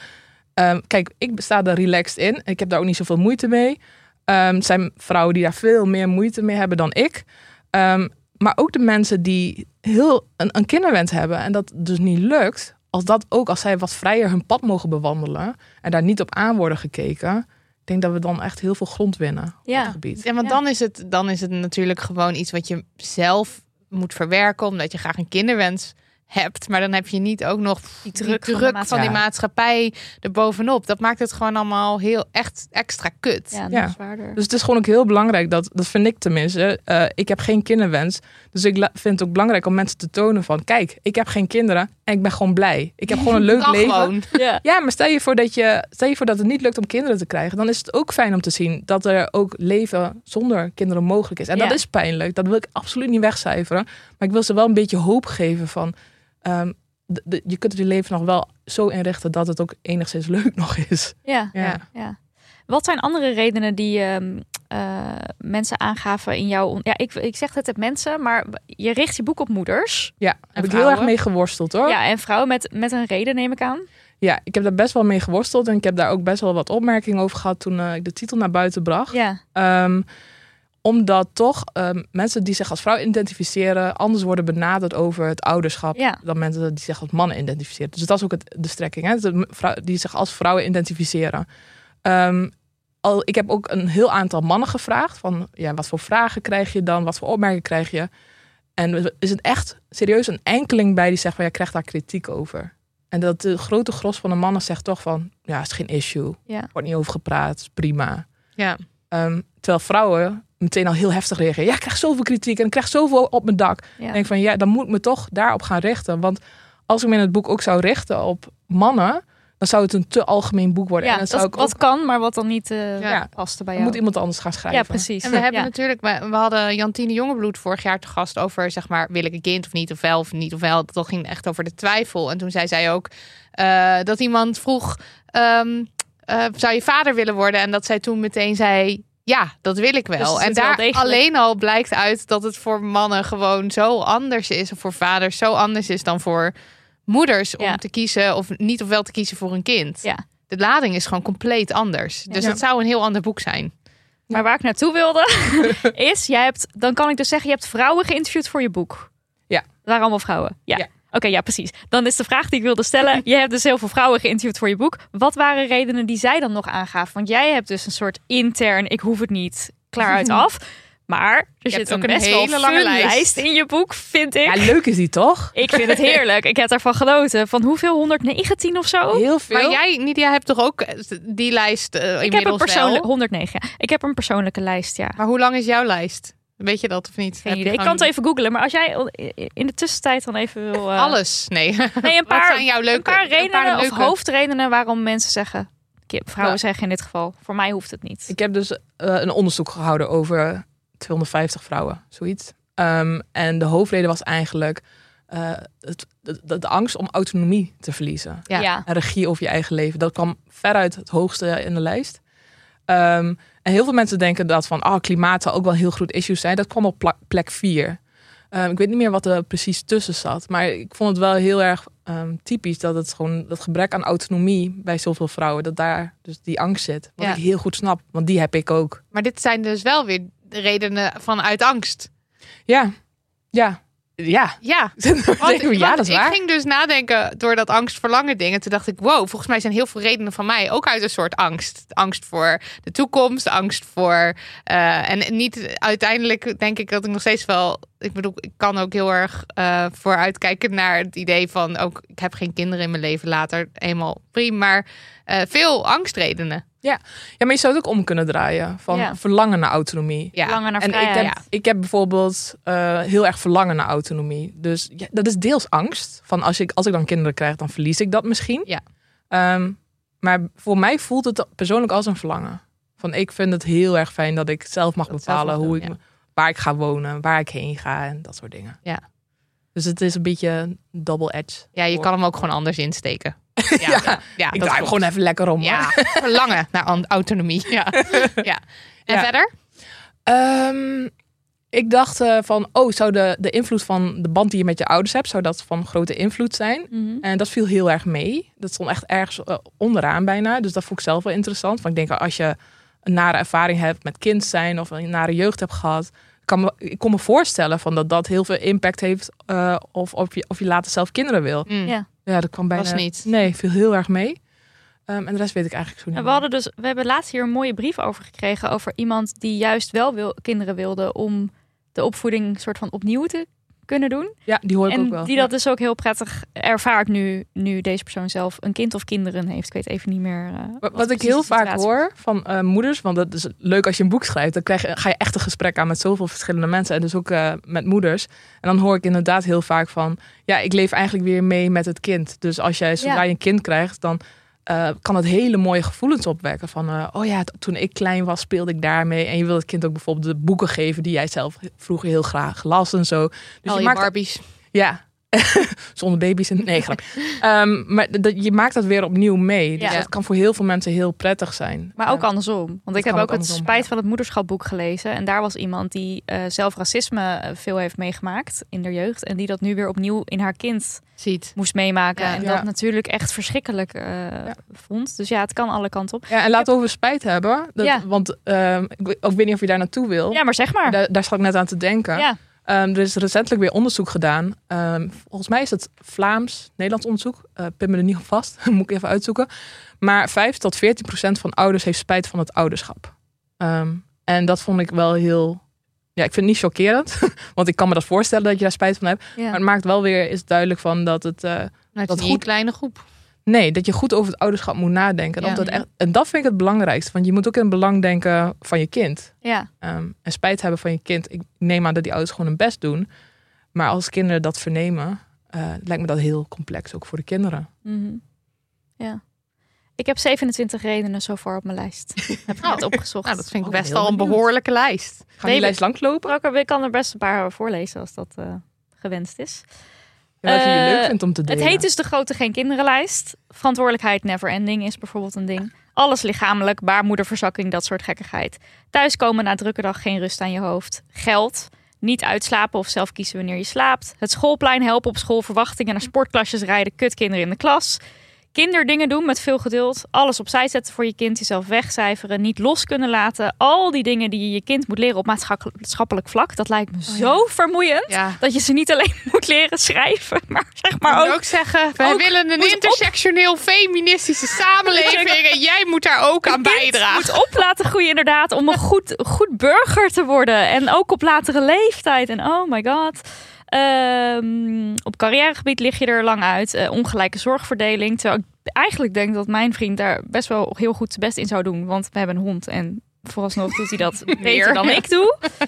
Eh, zolang kinderen jong zijn, nooit echt vakantie als ze meegaan. Eh, als kind eenmaal groot is, het wel in goede handen achter willen laten. Dus bijvoorbeeld met een erfenis of dat je een koophuis of iets. Nou, ik bezit niks, dus dat wordt lastig. Kleinkinderen en dan de verwachting dat je daar weer op gaat passen. Geen zelfgekozen stilte meer in huis. Zelf ziek worden, dan toch moeten zorgen. Meer ziek zijn, want het kind neemt het virussen mee naar school. Dat is echt waar. Niet een rustig gesprek kunnen voeren met Daniel of met vrienden als een jong kind erbij is. Nou goed, dit zijn denk ik 15 dingen van mijn lijst. Ja. Het zijn best veel, hè? Ja, maar het is voor mij, kijk, de hoofdreden is niet de, al deze dingen. Het is meer als ik dan eenmaal bezig ben, denk ik, oh ja, maar dat is eigenlijk ook wel heel lekker daaraan. Ja. En ik snap dus ook heel goed, want er zullen ongetwijfeld moeders luisteren die dan nu denken, ja, maar een kind maakt het allemaal waard. Ja, ik En daar, is het ik wil, mooiste wat er is. daar wil ik ook een lijstje van. Geef me een lijstje van wat het allemaal waard maakt. Ja, ja, dat nee, is maar- waarschijnlijk niet, dat is, nee, niet te vatten in een nee, lijst. dat is, Nee. dat is een over allesomvattend mega gevoel. ja. Maar hier op aansluit hebben we een vraag over gekregen van een luisteraar. Hoe gaat Marloes om met angst, gemis om diepe liefde of essentieels nooit te kennen? Ah, vind ik zo'n bullshit. Dat is niet iets wat jij ook maar enigszins... eh, Oh, eh, ja, ik heb dit wel vaker van. ehm, ja, ik kan daar heel slecht tegen als mensen van ja, je zult nooit onvoorwaardelijke liefde kennen. En dan denk ik van, eh, first of all, eh, onvoorwaardelijke liefde van ouders is niet altijd een garantie. Nee. Ouders houden. eh, er is heel veel onderzoek ook hiernaar gedaan, psychologisch onderzoek. Ouders houden niet standaard onvoorwaardelijk van een kind. Als je dat wel doet, dan is dat fantastisch en dan geeft dat kind iets heel moois mee, maar is niet standaard. nee. Ehm, dus dat, de garantie is er niet. Dat een kind onvoorwaardelijk van jou houdt. Of dat jij onvoorwaardelijk van een kind houdt. Ehm, dus eh, ja, da- daar kan ik op gokken als ik dat wil. Maar ik heb, ehm, ik heb niet het idee dat ik behoefte heb aan onvoorwaardelijke liefde. ik, echt, ik zit echt even... Ik ben verrast door deze vraag. Dus eh, ik zit te denken van nee, ik denk niet dat ik daar ook... naar naar taal, dat ik daar echt denk van... nou, ik zou dat wel echt heel graag willen voelen. Ik voel me heel erg geliefd ehm, door mijn partner. Ja. Ik voel me heel erg geliefd door mijn vrienden. En daar heb ik ontzettend veel geluk mee. En ik denk dat ik me de, in, wat liefde betreft heel voldaan ben. Ja. Dus dat het ook heel compleet voor mij voelt. En dat snap ik, dat als je een kind krijgt, dat dat een ander soort liefde is. Dat hoor ik heel vaak. Maar ja, daar heb ik geen behoefte aan. Dat, Nee. Dus die angst die staat ook helemaal niet op jouw radar. Van nee, nee, echt totaal niet. maar ik- liefde. Ik reageer misschien een beetje heftig, maar ik hoor dat zo vaak van je gaat onvoorwaardelijke liefde missen. En dan denk ik van dat is zo, ik vind dat een beetje kort door de bocht. Ja, en het is ook een... Het is soort FOMO-kaart die gespeeld wordt waar je bijna niet tegenop kan. Want Precies. als er, als er iets gepresenteerd wordt van ja, maar dit is zoiets allesomvattends, prachtigs, moois. En wat het dus ook is hè, voor heel veel mensen. Maar ja, wat wil je daar dan op, nog op reageren als Ja. zijnde iemand die die wens niet heeft? Ja, Maar voor, ik ken, ik ken mij hoeft het niet zo hoor, die onvoorwaardelijke liefde en die prachtige gevoelens. Raar eigenlijk. Ja, maar ik, weet je, ik ken ook van de keerzijde. Ik ken ook de, de Ja. andere kant ken ik heel vaak. Ik ken heel veel vrouwen die geen onvoorwaardelijke liefde voor hun kinderen voelen. Want dat is de afgelopen tijd heb ik die verhalen ook heel vaak gehoord van moeders die spijt hebben, maar dan Ja. zich vrij voelen om mij mails te sturen, Ja, eh, omdat ze daar nergens anders mee terechtkomen. En dan hoor ik ook de andere kant en Ja. denk van, ik weet dat die andere kant er is. ja, en het zijn er dus ook veel. Het zijn veel. Ja. Het zijn echt heel veel. En ik denk ook dat dat die onvoorwaardelijke liefde of dat essentiële, ja, ik zie ook gewoon in mijn eigen leven om me heen, ja, genoeg eh, inderdaad ouder-kindrelaties waarvan ik dan denk, ja, eh, inderdaad is het onvoorwaardelijk, maar ook tegelijkertijd, zeg maar bijvoorbeeld bij een kind waar dan heel veel schuldgevoelens komen kijken of dat, dat er toch allemaal verwachtingen zijn die niet kloppen en dat het, het is volgens mij allemaal niet zo simpel. nee. Eh, Er zijn natuurlijk ook talloos veel mensen in therapie vanwege hun vanwege ouders. fucking ouders En dan wil ik niet zeggen dat ouders het fout hebben gedaan, Nee. maar het is niet zo dat het per definitie een prachtige liefdesband is. Nee, en het is Als het heel- kind net geboren wordt, kan ik me voorstellen dat er heel ja, veel... maar uiteindelijk, en ik moet ook heel vaak denken aan een van de Lisbeth Smits die in onze aflevering over niet-moederschap zei: ja, je krijgt geen kind, je krijgt een volwassene. Ja. Ja, en je absoluut. moet daar uiteindelijk ook gewoon, weet je wel, weet je, er zit gewoon een man van, van middelbare leeftijd misschien wel aan je tafel en misschien kan je het daar helemaal niet mee vinden. Ja, jij Ik zie het echt voor me, die man, die man, oude knar, denk Ja. maar, oh, Ja, waar moet ik daarmee? ja, Je ja. hebt toch ook in je boek van, de, je kan beter de vraag stellen, ehm, niet, niet de vraag stellen wil je kinderen, maar wil jij voor je leven lang moeder worden? ja, dat vind ik heel, in mijn Ja. hoofd is dat heel logisch. Ja. Ja, maar het is wel een, een ander, je hebt een ander gevoel bij die twee. Ja. Ik heb een, het roept een ander gevoel bij mij op. Ja, maar je hebt ook kinderen maar voor heel kort, hè? Ja, Wat jij net ook al zei, van eh, voor je het weet zit je met een oude, eh, oudere Oude man. aan tafel. Een oudere man aan tafel. Heel netjes. Eh, ja, maar dat is wel wat het is. Het, het is eh, een tijd lang een kind, eh, maar het wordt volwassen. En dat, dat die volwassen periode, eh, in de meeste gevallen maak je dat veel langer mee. En daar, daar teken je eigenlijk ook een contract voor. Van daar moet ik ook voor zorgen. Ja, Ja, en, en je valt dan als ouder ook wel misschien wel van je, eh, hoe noem je dat, van, van je, van je pedestal, wil ik zeggen. Ja, van je voetstuk. Ja, van je voetstuk, omdat, omdat nou, kinderen kijken heel lang naar je op en dan Ja. opeens blijk je ook Nee, gewoon een mens. mens. En dan, en Ja. dan is er, zijn er allemaal, allemaal problemen. Ja. het is, je, weet, je weet niet hoe het loopt, maar mensen doen alsof het een soort idylle is. Ja, Ja. ik denk dat dat ook een. Ik zag daar laatst. Oprah Winfrey ging met een therapeut in gesprek daarover. Dat eh, heel veel ouders, en dan vooral moeders.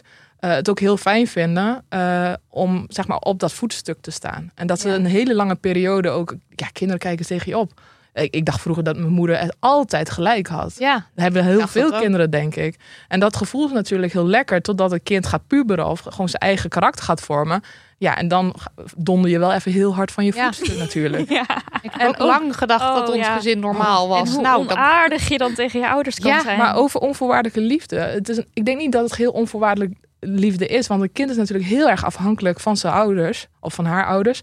Ehm, dus, dus je moet die ouder ook wel... ehm, ja, tevreden houden. ja, je moet Ja. echt plezieren en tevreden houden. En kinderen doen soms dingen om hun ouders te plezieren... die ze misschien helemaal niet eens willen doen. ja. Dus is het heel erg onvoorwaardelijk? Dat kun je je afvragen. Ja, want als inderdaad dan, dan eh, stel je ouder, een van je ouders wordt de hele tijd boos en jij gaat het, want als kind ben je daar heel gevoelig voor, dus dat voel je aan en dan wil je niet dat iemand boos is, dus dan Ja. doe je dingen niet of ga je op een bepaalde manier gedragen, van word je angstig, weet ik veel wat je allemaal meekrijgt in de patronen die eigenlijk gewoon hartstikke s- kut zijn voor je. En daar, en daar moet je dan inderdaad als volwassene weer mee dealen. Dus Ja. het, is, het is allemaal ook heel... Ik snap het overweldigende, onvoorwaardelijke liefdegevoel. En ik, het is ook te simplistisch gesteld. Ja. Ja. Maar wie gaat er dan voor je zorgen later? Ja, daar ben ik geld voor aan het opzij zetten. ja. ja, want dat geld heb jij. Want Ja, want ik heb geen kinderen. Het scheelt 100.000 euro, toch? Ja, meer. Ja. Het scheelt echt heel veel geld. Je kunt er een, huisje in, eh, nou ja, niet meer in de Randstad, maar wel in Groningen kun je ervan kopen. Ehm, het scheelt heel veel geld. En eh, ja, daar ben ik heel bewust mee bezig van. Dus ik zet echt wel geld opzij, omdat ik weet dat ik dat later waarschijnlijk nodig heb. Ja. Ehm, er staat ook een hoofdstukje in mijn boek dat ik ook een lijstje heb van denk hier aan eh, als je geen kinderen krijgt. Ehm, maar daarnaast wil ik even zeggen van ik vind het ook altijd wel typisch dat mensen er automatisch van uitgaan dat hun kinderen blijkbaar later voor ze gaan zorgen. Ja, al helemaal in deze tijd, in 2024. Ja, en dan ja. ook nog eens, stel je krijgt dus nu een kind, dan hebben we het dus over weer 20 jaar verder. Weet Ja. jij veel hoe dan de wereld ervoor staat? Maar ja, mijn, ik heb heel veel geluk met mijn ouders. Mijn ouders zeggen altijd van, het is niet de bedoeling dat jullie voor ons gaan zorgen. Ik heb ook Ja. een broertje nog. Ehm, dus dat heb ik ook heel erg meegekregen. Mijn ouders doppen hun eigen boontjes. Ehm, maar ook, ik heb met mensen in die in verzorgingstehuizen werken. Die zeggen van, maar dat doen kinderen helemaal niet standaard. Nee, hoor. want dat is het ding. Ga eens, ga eens bij jezelf te raden, zou ik zeggen voor de luisteraar. Hoe vaak zie jij je ouders eigenlijk? Hoe vaak ben je er voor ze? Hoe vaak doe je klusjes voor ze? Ja, en vooral, ehm, dat zie je ook bijvoorbeeld, nou, de ouders worden wat ouder, dan hebben ze kinderen en die kinderen krijgen dan kinderen. Dan zit zo meestal in zo'n fase dat ze heel druk zijn. Dan moeten kinderen naar school. En Ja, Ja. Eh, ja, die hebben niet altijd tijd om dan ook nog eh, voor jou te zorgen of om er altijd voor jou klaar te staan. ja. Dus ja. En dan komen er weer extra schuldgevoelens bij kijken, Ja. want je bent niet genoeg daar voor je ouders. Ik vind het eerlijk gezegd, ehm, eh, ik, ik weet dat het voor sommige mensen een reden is om kinderen te krijgen, omdat om uit een soort angst dat je later misschien alleen eindigt en dat er niemand is om voor je te zorgen. Maar ik vind dat pijnlijk aan beide kanten eigenlijk. Dus want dat zou een keuze zijn uit angst en ook best wel pijnlijk voor een kind dat je alleen maar op de wereld wordt gezet ja, omdat jij voor je ouders wordt geacht te zorgen. ja. ja, een Het beetje, zijn- het is ja. wel een beetje verdrietig inderdaad. Maar ook, je hebt zelf ook in de hand hè, of je later eenzaam eindigt. ja. Ehm, want mensen zeggen bijvoorbeeld, ja, wie komt er dan later bij je op bezoek als je oud bent? Nou, maar denk vrienden. ja, precies. Ja, als jij niks... eh, Die gaan dood. Die zijn in dit scenario allemaal dood. Allemaal. Zorg dat je altijd vrienden hebt die minstens Jonger 20 zijn, jaar ja. jonger Ja. zijn. Dan heb je een soort backup. Ja. Nee, maar eh, je hebt natuurlijk wel deels zelf in de hand. Ik heb een, eh, een iets oudere vriendin, die is nu begin 60 en die heeft ook geen kinderen. En die heb ik dus advies gevraagd. En die zegt altijd van ja, zorg gewoon dat je contacten onderhoudt. Dat je daar Ja. ook tijd in investeert. Zodat je een soort groepje om je heen hebt waar je je fijn bij voelt. Ehm, ja, dus dan denk ik van die ouders gaan er standaard van uit dat de kinderen de enige sociale interacties zijn die ze dan op latere leeftijd hebben. En dan Ja. denk ik van, oh, dat vind ik dan ook wel weer triest. Ja. Maar je merkt ook, gewoon, ook wel veel bij ouders toch dat ze heel veel ehm, plezier beleven uit de, uit de kinderen. Dus zeg maar, eh, ehm, mama is alleen blij als de kinderen blij zijn. Je hebt toch zo'n Oh soort ja, ja. uitspraak? Of dat ehm, eh, dus, dus mensen die wat ouder zijn terugkijkend op hun leven, als ze kinderen hebben, dat ze veel meer zullen refereren aan en mijn kind heeft dit bereikt en mijn kind heeft dat Ja. gedaan. Versus iemand die geen kinderen heeft en het veel meer zal hebben over en ik heb dit gedaan en ik Ja. heb dat gedaan. Ik weet niet waar ik heen wilde. Nee, maar Mariette, die in het boek ook een paar keer goede dingen zegt. Dus ik heb ook quotes van andere mensen. Die zegt, dat noemt ze dan tweedehands geluk. Dat vond ik wel een mooi woord. ja. ja. Weet je dat ik dus juist de, de angst heb dat ik dan jaloers word op Dat die vrijheid en de jeugdigheid van die kinderen. Dat, Ja. ik, dan, dat ik dan denk... "Tien, Ja, mijn moeder- kunt minder." mijn moeder Oh, jij kunt nog de trap van, op en eh, ik kan niet meer de ja, trap op. Ik moet er nog maar van, want dit was de mooiste tijd van mijn leven. Dat zei ze altijd over de middelbare school. Ja, maar dat Of vind ik- over twee. En dan dacht ik, nou, wat een ontzettend treurig idee om dat te zeggen. Ja, om dat, ook, om dat dus ook. echt zo erg te vinden dat je het ook gewoon hardop zegt. Ja.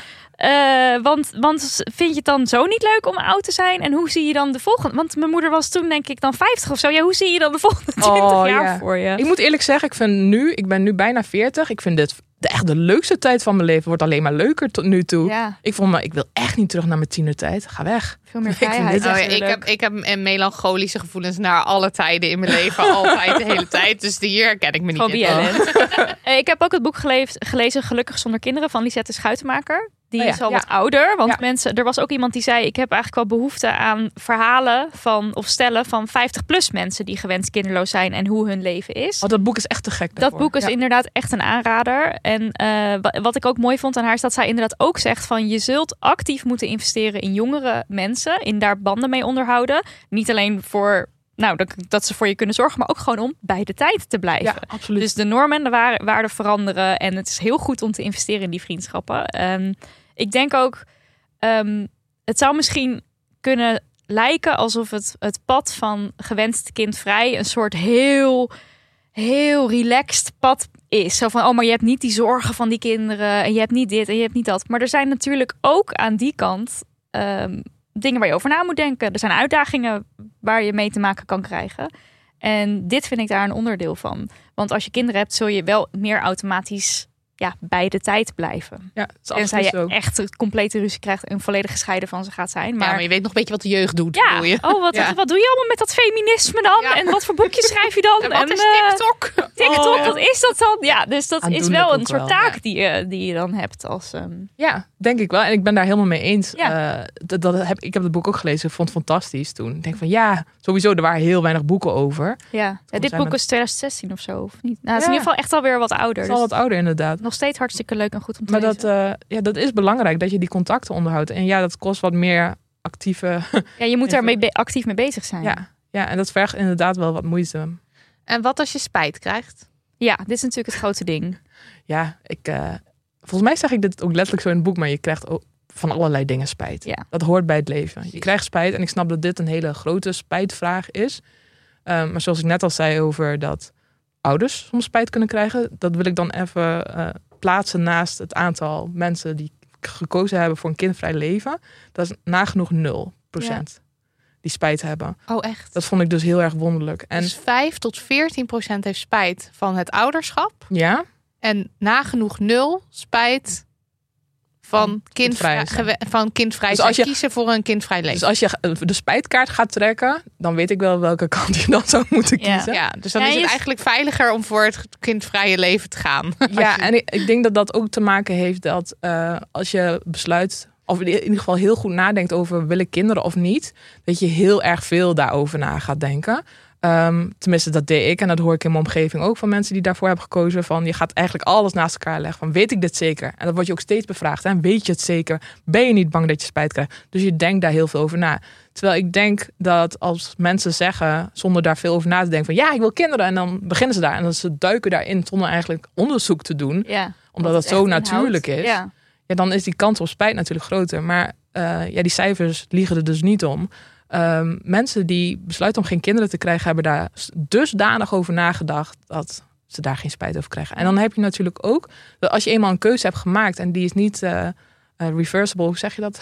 ja, terug, je kan het niet terugdraaien. Onomkeerbaar Ja. is het Oh, woord dat is wat een- we ja, dat vind ik mooi. Onomkeerbaar. Ehm, dan, eh, ons, ehm, wat onze, ons brein eigenlijk doet, is dat ze daar eh, vrede mee probeert te hebben. Ja. Dus op wat voor manier dan ook, als hij jou iets, je hebt een keuze gemaakt en dan moet je je bij neerleggen. Ons brein zorgt er dan voor dat we daar ons dan ook bij neerleggen. Ja. Dus ehm, Ja, Ja. En, en als je het ene kiest, dan kan je natuurlijk een soort melanchool worden naar het andere leven wat niet is. Ja, eh, Precies, maar en zo dat is het dus met ook heel veel kanten dingen. Ja. Ja. want de een die denkt van, oh wat heerlijk, Marloes die kan gewoon lekker met een krantje in bed en een kopje koffie op zondagochtend tot, Oh ja, tot, tot, tot zondagmiddag, het maakt allemaal niet uit. ja, daar En jij zou misschien een keer een gevoel kunnen hebben van, oh, hmm. want daar hebben we dus wel, we hebben twee opmerkingen daarover vragen. Ik ben gewend, gewenst kindvrij, maar ervaar heel soms toch vlagen van spijt. Heb jij dat ook? Dat je Mm, toch eventjes en iemand anders zegt, waarom heb ik als bewust kinderloze vrouw van 40 nog altijd 0,1% twijfel over mijn keuze?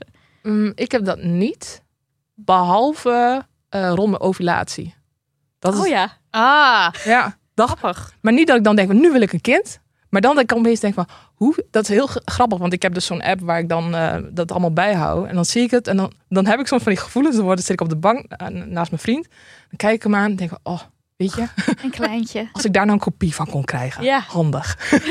Ehm, een soort backup. Lijkt me wel fijn. En dan check ik die app. Want dat doe ik automatisch. En dan denk ik, ja, oh, ja. Ja, ja, ja. Dus dat, hormonen doen daarin dus wel wat. Ehm, en dan heb ik wel een soort van, ja, wat nou als? Dus, eh, maar ik heb nooit, buiten niet dat moment om, het idee van, misschien wil ik het toch. En ik denk dat ik daar gewoon geluk mee heb. Ja. Puur geluk geweest. Nou ja, het is ja, natuurlijk nou, wel als je, als je nog geen 40 bent of rond de 40 bent, dat, dat de mogelijkheid is er natuurlijk voor je gevoel nog steeds. Dat weet je natuurlijk niet zeker, maar het deurtje is nog niet helemaal gesloten tot een bepaalde leeftijd. En Ja. dat maakt denk ik ook dat je als je 40 bent, dat je dan de hele tijd denkt, maar wat als toch? Ja. Terwijl dat op een gegeven moment kan dat niet meer. Ja, en ik denk dat dat ook het enge is. Van dat dit is echt zo'n keuze. Die moet je maken. En op een gegeven moment wordt die keuze voor je gemaakt. Ja. Ja. die deur dicht. En dat is natuurlijk heel erg spannend. Ja. Daarom zou ik vrouwen ook altijd willen aanmoedigen van... Weet je, denk er gewoon heel erg veel over na. En ik zou er ook wel altijd willen aanraden van... Doe dat in je eentje. Ga niet overal feedback weghalen. Want iedereen heeft daar zijn eigen mening over. Het moet echt vanuit jou komen, zo'n keuze. Dat kun je niet van anderen... Ook niet van je partner. Dat kun je niet van je partner laten afhangen. Want als die dan zegt van, nou, ik denk dat het heel goed voor jou zou zijn, dan raak je aan het twijfelen. Dan raak je ook weer van jezelf verwijderd. Ja. Maar ja, ik, eh, enerzijds snap ik het van die deur. Ik, heb dat natuurlijk ook. Ik ben nu 39. Ik weet dat die deur gaat sluiten.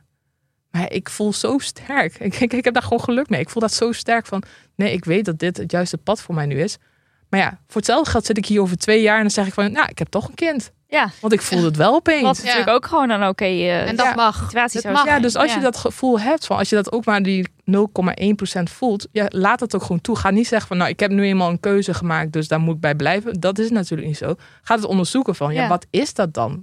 Wat, wat, wat is, maakt het dat ik nu toch een beetje twijfel? Ja. Laat dat wel gewoon toe, zodat je dat kunt onderzoeken. Ik denk ook dat die 0,1% twijfel best wel vanuit eh, de maatschappij kan komen, omdat het zo'n pronatale samenleving is. Zo, zo, zo noemt men dit toch? Ja. Zo'n samenleving die zo dat aanmoedigt en zo gericht is op, jee, kinderen zijn helemaal leuk. Ja, we hebben een pronatalistische samenleving inderdaad. Ja, Waaraan Dus- zien we dat? Waarom merken we dat? Dat het pronatalistisch is? Ehm, nou, ik zat laatst aan tafel met twee heren. Toen dacht ik van, oh ja. Ik, bij op één. Wij op één. Ja, gewoon een tafel. Ja. toen dacht ik ook van, nou ja, dat blijkt alweer dat dit typisch pronatalistisch is. Van, dus dat we heel erg bezig zijn eh, vanuit de politiek. Nou, ik zeg wij, maar zij. eh, om aan te moedigen van dat vrouwen kinderen krijgen. Ehm, ik zag dat zelf toen ik klein was. Dat als ik naar de speelgoedwinkel ging. Dat er gewoon, je was, er stond letterlijk een bordje meisjes. Meisjes, En aan de andere kant stond jongens. Nou, ik dacht van, oh die jongens hebben echt leuke spullen. Dat vind ik leuk, want ik wilde heel graag een radiografisch bestuurbare auto. Was ik, ja, want jij was een tomboy. Dat wilde ik vroeger Ja. ook, maar dat heb ik ook nooit gehad. ik heb dat nooit gehad. Ik heb nog steeds... Ja, En wel poppen en Barbies. Echt, ja, oh, echt hou op met al die. Barbies. Ik had echt een ton vol en dacht ik van, ik wil alleen maar zo'n auto. Hoe vet. Maar heb je het ooit nog gekocht? Eh, Dit kunnen we, dit kunnen we nog steeds gewoon doen, hè? nou, ik, Dit is even een sidetrack, maar dit het, kan ja. nog steeds. Dus laten we... ik had een hele mooie. Ik was heel erg fan van Mario Kart. Ja. En dan hadden ze een Mario Kart, weet je, wel, in de vorm. En die kon je dus met zo'n eh, bakje kon je die dan aansturen. Ik dacht wel, als ik die ooit nog op eBay of zo kan vinden, dan hoor ik hem. Dan is die van mij. Ja, Ja. het kan gewoon, want we zijn volwassen mensen. Maar ik, heb, ik koop wel af en toe inderdaad speelgoed die ik vroeger dan als kind wilde. Ik- Heel ik- goed. blijkbaar heb ik geld ook. Nee, grapje. Maar eh, Je, hebt, als- je hebt geen kind. Ik koop wel voor mijn nichtjes koop ik inderdaad wel speelgoed dat ik vroeger graag had willen hebben. Ehm, waar hadden we het eigenlijk over? Nou, dat is pronatalistisch. En dat je dat onder andere kan zien in het, in het speelgoedschap. Ja, maar dus ja. ja, ja mini, keu- nou niet keukentjes per se. ja, ook. Ja, ook. Maar die zijn misschien niet heel erg gendered. Maar inderdaad, roze, eh, roze st- mini-strijkboutje en zo, toch? Zeg Ja. maar echt van die verzorgende Toen ik het boek schreef, ben ik wel echt weer een, eh, een eh, speelgoedwinkel ingelopen om te kijken van hopelijk fingers crossed is, is er wel, degelijk wat veranderd. Het is wel iets beter geworden, maar ik vind nog steeds wel typisch dat ehm, ja, dat er nog steeds wel heel veel mini keukentjes. Ik denk van moeten kinderen daar echt mee bezig zijn met ja, weet je, dus een soort balans van aan de ene kant de interesse van het kind is van ja, ik wil een keukentje, ik wil koken. Prima. Ja, ik wil ook meedoen met wat de ouders doen. Hè? Het is natuurlijk Ja. niet alleen maar... Maar ik wil niet dat ze door de strot wordt geduwd. Zo van, hier heb jij een pop en daar moet jij voor zorgen. Want jij moet nu al gaan oefenen. Ja. Ja. Ja, Er zit een soort balans in. Hè? Van kijken naar het interesse van het kind. Dat is heel belangrijk. Van wat wil het kind? Ehm, en daarin meegaan. Ehm, maar toen ik klein was, was het wel heel erg van... hier heb je een pop en daar hoor je voor te zorgen. En hier heb je zo'n keukentje. Ga maar iets maken voor papa. Voor papa ook. Ehm, is er bij jou sprake geweest van druk van buitenaf? Dus we hebben bijvoorbeeld iemand die zegt: Ik kom uit een familie waar kinderen krijgen de norm is en ze niet krijgen als egoïstisch wordt gezien. Hoe omgaan met het grote verschil van mening hierover? Het kwetst mij en ik kwets hen. En dan ook iemand die zegt: Hoe ga je om met een zeurende moeder die kinderen zo leuk vindt? Ja, ehm, weer. Ik, ik ben... Ik heb zoveel privileges. Lucky Jij you. leeft echt in een ideale situatie Ja. voor iemand die geen kinderen wil. Ja, het grappige vind ik dat ik kom uit Drenthe, dus mensen denken dat ze daar, daar zijn ze redelijk conservatief. Maar ik ben wat dat betreft he- met hele ouderwetse standaarden opgevoed, behalve op dit vlak. Mijn ouders waren daar ook heel open in, eh, dus die vonden dat geen probleem. En dan kom ik ook nog eens een keer uit een familie waar we heel weinig broeddrang hebben. Dus eh, In het algemeen. ja, Ja. het is echt wonderlijk hoe weinig kinderen er wel Evolutionair gezien niet heel Ja, wij eh, sterven- tactisch, maar, Onze tak die sterft gewoon uit binnen een paar jaar. Dat is echt gewoon helemaal gedaan. Ehm, maar ze hebben wel optimaal genoten. Allemaal. Absoluut. Ja, echt. Reizen we gaan echt. eh, we doen allemaal leuke dingen. Maar ik heb wel in mijn eerste relatie heb ik een schoonmoeder gehad die eh, heel graag kleinkinderen wilde. Die had zelf op latere leeftijd kinderen gekregen. Dus eh, mijn vriend was toen eh, vrij jong en zij ja, liep al tegen een beetje de oma leeftijd aan. Dus zij had van die klapperende oma-eierstokken. Ja, ook Eh, waarschijnlijk vriendinnen die dan ja, eh, al oma waren. Ja, familieleden, ja, inderdaad. Ehm, en eh, nou, ik weet nog wel dat ik met haar stond te afwassen. En dat ze tegen mij zei van... ja, wanneer kan ik nou eindelijk oma worden? En toen zei ik van... Nou, ik denk dat ik eerst de middelbare school ga afmaken. Oh my god, dat was zo lang geleden. Dit- Ik was 17. Ehm, nee, joh. Wat? Ja, ja maar dit, ja, dit, weet je, het, het, het- dit is al lang geleden. En dit is 12 jaar, nee, 22 jaar geleden. Oké, Ja, maar maar dat waren ook 17. niet de jaren 50, Marloes. Ja, ik dacht, Ja. ja. je bent 22 en zij dus zegt iets over. Dat vind ik dan weer wat anders. Maar 17? Maar ik vind typisch dat jullie gechoqueerd zijn. Maar ik denk dat het daar ook wel een kern in zit van... eh, je moet ook als ouder zijnde, eh, of schoonmoeder zijnde... moet je kijken van, eh, wat wil mijn, mijn schoondochter en wat wil mijn kind? En ik, ik vind dat, eh, ook als je bijvoorbeeld ouders hebt die zeggen van... ja, ik wil heel graag kleinkinderen... dan is dat altijd een wens van die ouders. En denk van, je moet met elkaar in gesprek gaan van, wat wil jij?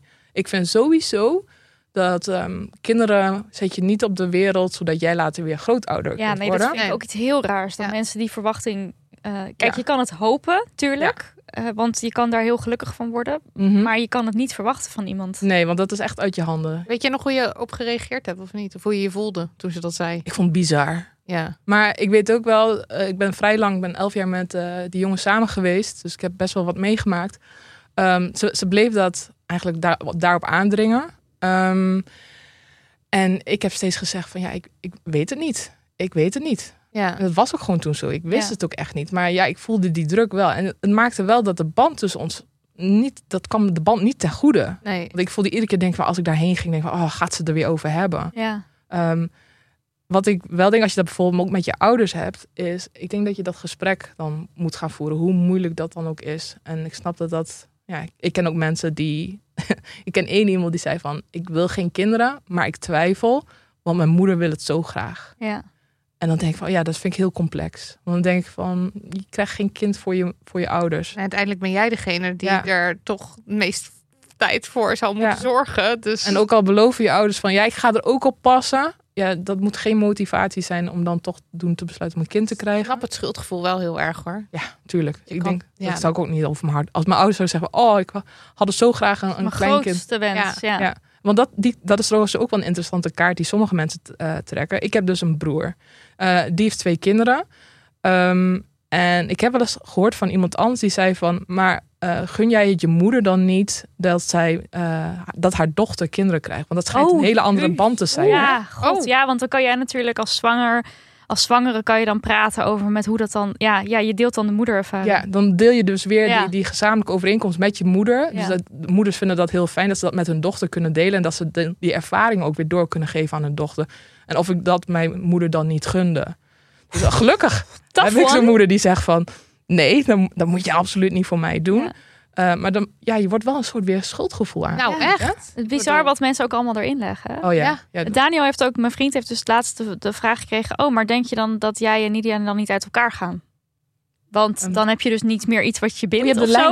Oh, de lijm is weg. Ja, ik vind dit dus een Oh, hele maar een rare kind vraag. als de lijm. Ja, dus zeg maar op het moment dat je geen kinderen hebt, dat je relatie dan. Ik vind dat bizar. Terwijl ik Ja, kan alleen maar voor, zien, voor me zien dat, dat natuurlijk bindt het je een kind, maar het maakt ook de relatie, het zet het wel in ieder geval de eerste jaren onder spanning. Want ja, er is een kind en er is slaaptekort en er is drukte en er, er zijn veel ballen hoog te houden.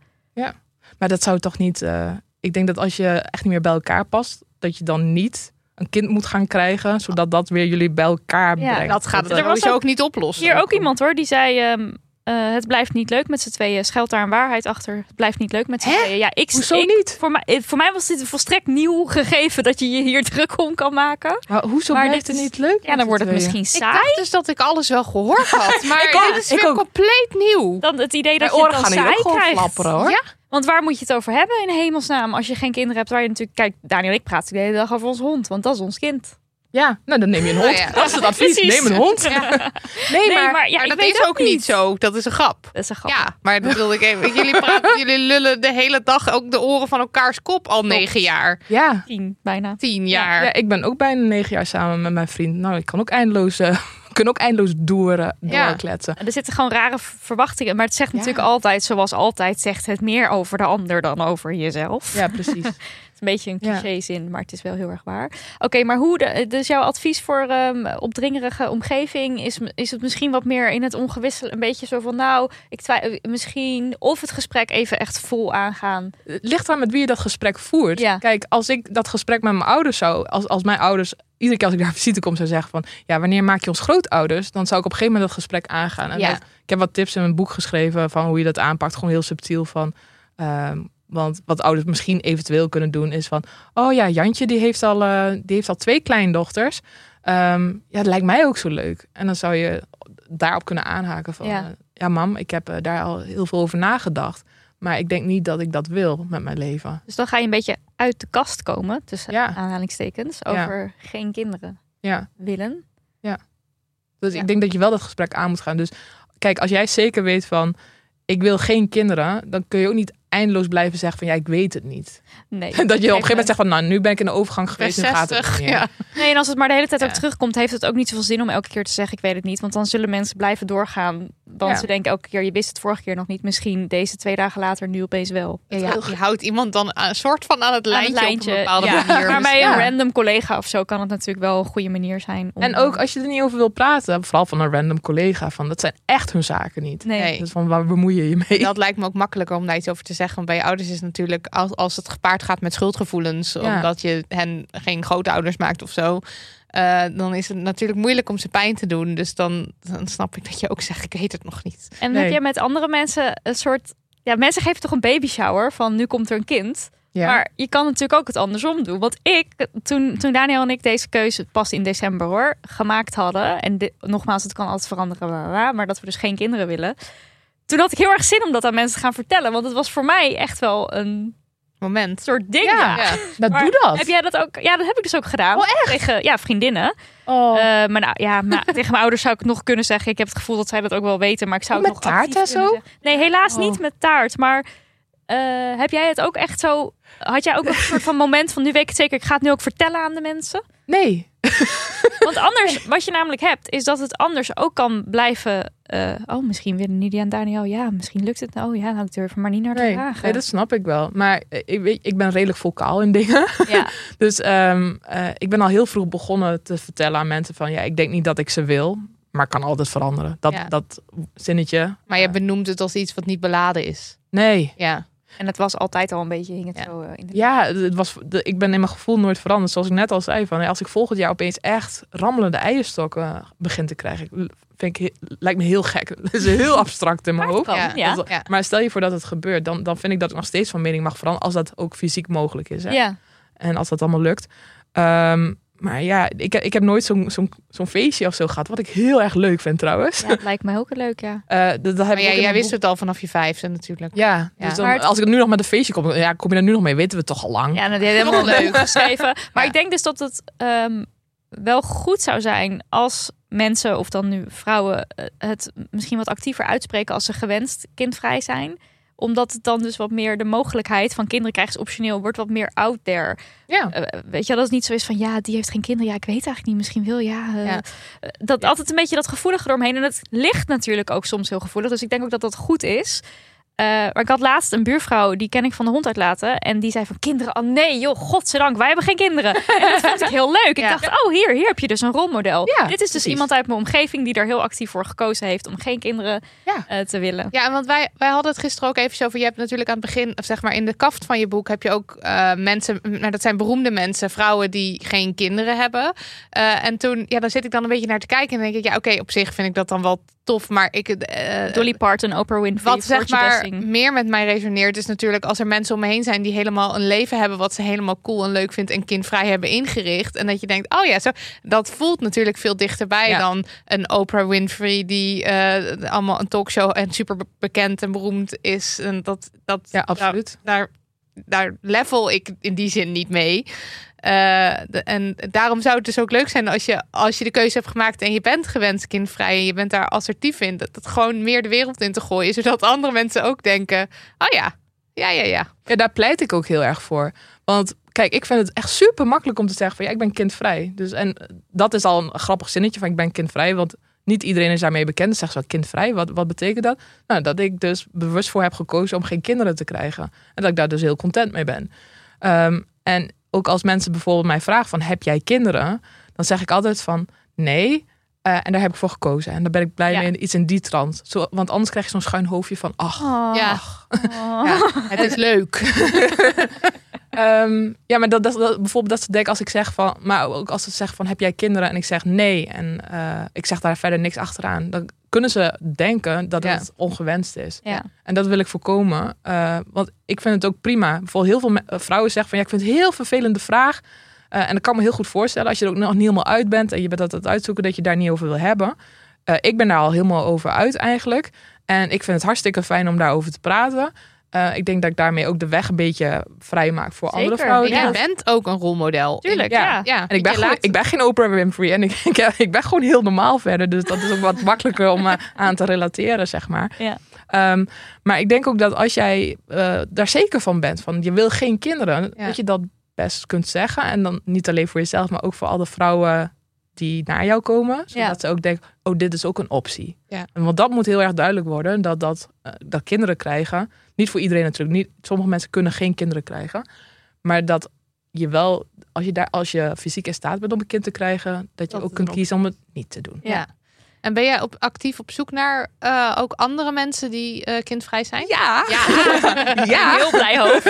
Ja. ja dat vind ik Waar hartstikke vind leuk. je die types? Ja, iemand wil er graag over Dit wil vertellen. iedereen weten. Nee, maar ik vind dat heel leuk. Ik, vind, ja, ik ben een van die, misschien van die gekke types die nog steeds eh, op oudere leeftijd leuk vinden om nieuwe vrienden te maken. Ik vind dat heel erg leuk om nieuwe mensen te leren Je kennen. hebt er ook ruimte voor, want je hebt geen kinderen. Gaan we weer. Ja. De hele tijd dit. Ja. Ja. een mooi excuus. Eh, ja, ik, ik vind dat ook heel erg. Ik vind het ook belangrijk dat je eh, ook kinderen, om- ach, kinderen, dat je mensen om je heen hebt en vrienden maakt al- die ook geen kinderen hebben, want dan heb je gewoon raakvlakken. Dat is hartstikke fijn. Ehm, en ja, die kun je ook overal vinden. Je hebt gewoon de apps en dan, je hebt ook van die vrienden-apps en dan kun je gewoon op instellen. Eh, je kunt het ook heel makkelijk vinden. Je kunt aangeven in je profiel dat Je je. bedoelt een soort dating app voor Ja. vrienden en dat je dan kan zeggen kind, kind zonder kinderen. Ja. Oh. Ja, dus- maar je kunt ook gewoon in je Welke, dating app? Ja, die staat, ik heb een lijstje in mijn boek en daar heeft eh, de redacteur me ook mee geholpen. Want ik heb die apps zelf nooit gebruikt. Mijn tip is altijd van, ehm, ga bijvoorbeeld een cursus doen wat jij heel graag Ja. wil doen. En doe dat bijvoorbeeld op een woensdagmiddag. Want die- Want dan, zijn, de ouders. ouders er niet. ja, dan, heb je, eh, men- dan heb je de meeste kans dat er eh, mensen zijn zonder kinderen daar. Ja. Mensen die iets ouder zijn. Dus dat haakt veel makkelijker aan. Of bijvoorbeeld op zaterdag of zondag. Want dan zijn ouders heel erg druk met de kinderen met sport en naar zo. al die sportklasjes. Ja, dus eh, dat zijn wel de goede momenten. En ook Ja. bijvoorbeeld s'avonds, eh ja, rond die tijden dat je dan naar lezingen gaat. Weet je, of naar een sportschool en dat je dan naar de sportschool gaat op momenten dat de meeste mensen met hun kinderen in de weer zijn. Ja. Dat zijn gewoon die momenten. En heb je dan zeg maar, oké, want je, je bent op zoek naar mensen of je maakt vrienden met mensen die dan geen kinderen willen. Heb je veel mensen om je heen in de omgeving die wel kinderen hebben? Ehm, nee, ik ben sowieso iemand van. Ik heb geen grote vriendengroep om me heen. Ik ben echt iemand met, met kleine groepjes en allemaal van die eilandjes. Niemand die elkaar kent, zeg maar. Ehm, ja, en er zitten relatief veel mensen tussen die ook geen kinderen hebben. Ehm, ook wel moeders. Maar ik merk bijvoorbeeld wel dat ehm, als een van mijn vriendinnen een kind krijgt, dat ze dan een paar jaar van de radar is. Ja. Ja. Dus dat is het wel het jammer. En ik snap dat heel veel mensen dat heel lastig vinden. Maar ja, die zijn zo druk om dat kind, zorgen dat het kind gewoon in leven blijft. Ja. Wat heel logisch is.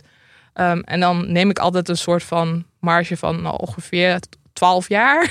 zijn ze even van de radar. 12 jaar. Ja, nou ja, so- sommigen dan eh, met een beetje geluk acht. Als kinderen wel zelf naar Ja. school kunnen fietsen en zo, als dat lukt. ja. Ehm, maar ze zijn wel gewoon even van de radar, want ze Ja. zijn echt heel druk. En kan jij. eh, want kijk, natuurlijk, dit is heel begrijpelijk. Hè? Dit is heel logisch dat dit gebeurt bij vrienden. Maar het is ook kut voor Ja. de andere kant. En dat ben jij dan nu in Ja. deze situatie. Ja. Hoe ga je daarmee om? Eh, wel nieuwe mensen zoeken. Ja. Zodat ik wel, ja, dat heb ik wel heel erg gedaan. Dus dat ik een nieuwe mensen in mijn omgeving. En ik op social media ben ik daar heel open over. En dat helpt ook. Dat kan iedereen doen. Want dat je af en toe daar iets over deelt. En je hoeft echt niet een foto van jezelf dat je aan het reizen bent. Van, oh, wat heerlijke leven zonder kinderen. Je kunt bijvoorbeeld ook in je stories iets delen. Zo van, eh, hey, deze post over kindvrij zijn. Eh, dat, dat sluit ook bij mij aan. Dus dat je het een beetje indirect doet. Ehm, ik heb heel veel mensen door social media leren kennen. Die Ja. ook geen kinderen hebben. Ehm, wat was je? Wat vroeg je nou net nog meer? Nou, het is denk, maar dan zou jouw advies denk ik toch zijn voor mensen die dan, want het is natuurlijk kut moeilijk als vinden. je vrienden kinderen krijgt en ze verdwijnen een beetje, maar je advies is dan eigenlijk toch een soort van nou ja, niet ze loslaten, maar wel dus accepteren dat ze dat niet meer is wat was. Ja, in ieder geval voor een periode. Ja. Maar ook blijven communiceren met je vrienden. Ehm, ik denk dat dat heel erg belangrijk is. Dus als jij ze heel erg mist, dat je wel tegen ze gaat zeggen van, of dat je ze een berichtje stuurt van, hey, ik mis je zo. Ja. Geen verwijt te maken, maar gewoon zeggen, hey, ik mis je zo. Kunnen we een keer weer met z'n tweeën afspreken? Heb je daar weer tijd voor? Dan moet je wel, ja, weet je, ze hebben soms zulke drukke schema's, dat je daar als eh, persoon zonder kind daar wel wat op meer op moet aansturen van, hey, kun je, heb je binnenkort een moment? Zodat je vaker bij ze incheckt of dat Ja. lukt. Ik denk, dat je dat, ik denk wel dat het belangrijk is om dat contact te onderhouden. Zodat je niet gaat wachten totdat het kind naar de middelbare school gaat. Nee, maar je, ja, je houdt het contact warm totdat ze weer helemaal terugkomen of zo. Ja. Ja, er staat ook wel iemand had ook wel gestuurd van eh, dat, dat vrienden. Ik vind het toch heel moeilijk om te zien hoe ze veranderen eh, sinds ze kinderen hebben. Dat ze echt niet meer de mensen zijn die ze waren. Dit Ja. maakt de vriendschap ook heel anders. Eigenlijk nooit in positieve zin. Hoe deal ik hiermee? Oh. Want het is natuurlijk aan de ene kant heb je mensen hebben minder energie, en minder tijd voor je.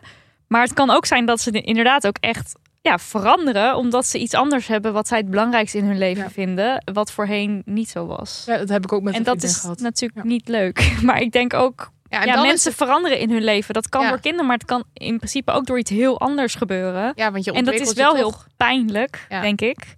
Na en zeven moeilijk. jaar ben je toch gewoon niet meer dezelfde persoon of zo. Alles ben je helemaal verveld. Nee, ja. Ben je helemaal verveld na zeven Helemaal jaar? verveld. Geen enkele cel is nog de cel Ja, dat zeggen ze ja, toch? dat zeggen ze. Maar, Ja, maar ik snap wel dat het bij mensen die kinderen krijgen, dat dat proces ook heel snel verandert. Ja. Omdat er zoveel in hun leven gebeurt, dat dan, ja, dan verander je gewoon automatisch. Ik ja, heb je wordt ook gewoon opgeslorpt door je Ja. kinderen. Ja. Logisch, denk ik ook. Ja, ik heb dat ook. Ik heb een goede vriendin daar eigenlijk wel aan kinderen verloren. Ja, Eh, ja, dat vind ik nog steeds wel een pijnlijk iets. Dat, eh, dat raakt me ook nog steeds wel, want Ja. ik mis haar gewoon wel. Mhm. Ehm, maar ik probeer daar ook wel gewoon nu dat wel een beetje los te laten. Van weet je, als ooit onze paarden weer samenkomen, vind ik dat super fijn. En, eh, maar ja je, ja, je verandert wel. En je moet daar samen een soort weg in vinden. Van Ja. oké, jij bent zoveel veranderd. Maar dat betekent niet dat, omdat ik geen kinderen heb, betekent niet dat ik als een soort Barbara papa me naar jou moet voegen. ja. Daar, daar moet je ook voor waken. Mhm. Want ik merk wel dat som, soms zijn ouders zo druk dat ze automatisch verwachten dat je dan als persoon zonder kinderen je maar daar continu aan gaat passen. Ja. Jij moet wel naar ons komen, want Mm. ja, wij zitten met de kinderen en jij moet wel sussen. Jij moet en denk van ja, hallo, er zitten echt grenzen aan. Ja. Ik snap dat het complexer is voor de ouderkant, maar je moet niet over je grenzen gaan. ja. Je moet daar wel mee blijven Ja, communiceren. jouw, jouw kindvrije leven doet er evenveel toe als hun ja. kinderleven. ja, maar dat is niet voor iedereen altijd even makkelijk te begrijpen. Nee, maar daarom is het belangrijk dat je dus je eigen grenzen in elkaar een beetje in de het idee wat sommige ouders hebben van, maar wat doe jij dan met al Ja. die tijd? Toch? Dat is voor sommige ouders denk ik. houdt. Ja. Hoe richt je je leven in op het moment dat de weg helemaal vrij en open is? Want ja, het gebaande pad van kinderen heeft wel heel duidelijke punten van nu gaan we dit doen, nu gaan we dat doen. Ja. Dat heb jij niet.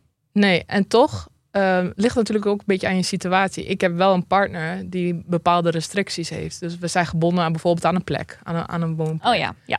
Eh, dus ik, ik ben ook niet helemaal vrij daarin. Ik, ik, het liefste, als je me nu zou vragen, wat zou je nu graag willen doen? Dan denk ik, ja, pak mijn koffer, ga ik in Engeland wonen, koop ik daar een cottage.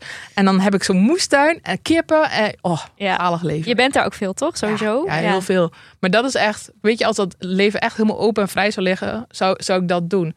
Ehm, ik heb wel een partner waar dat niet voor mogelijk is. Dus we zijn wel heel erg gebonden aan Nederland. Dus helemaal vrij en open is het niet. Ik denk alsnog wel vrijer. Want bijvoorbeeld als je, als je kinderen hebt, dan vind ik zo grappig. Als mensen met kinderen huizen zoeken, dan moet dat altijd in de buurt van een school.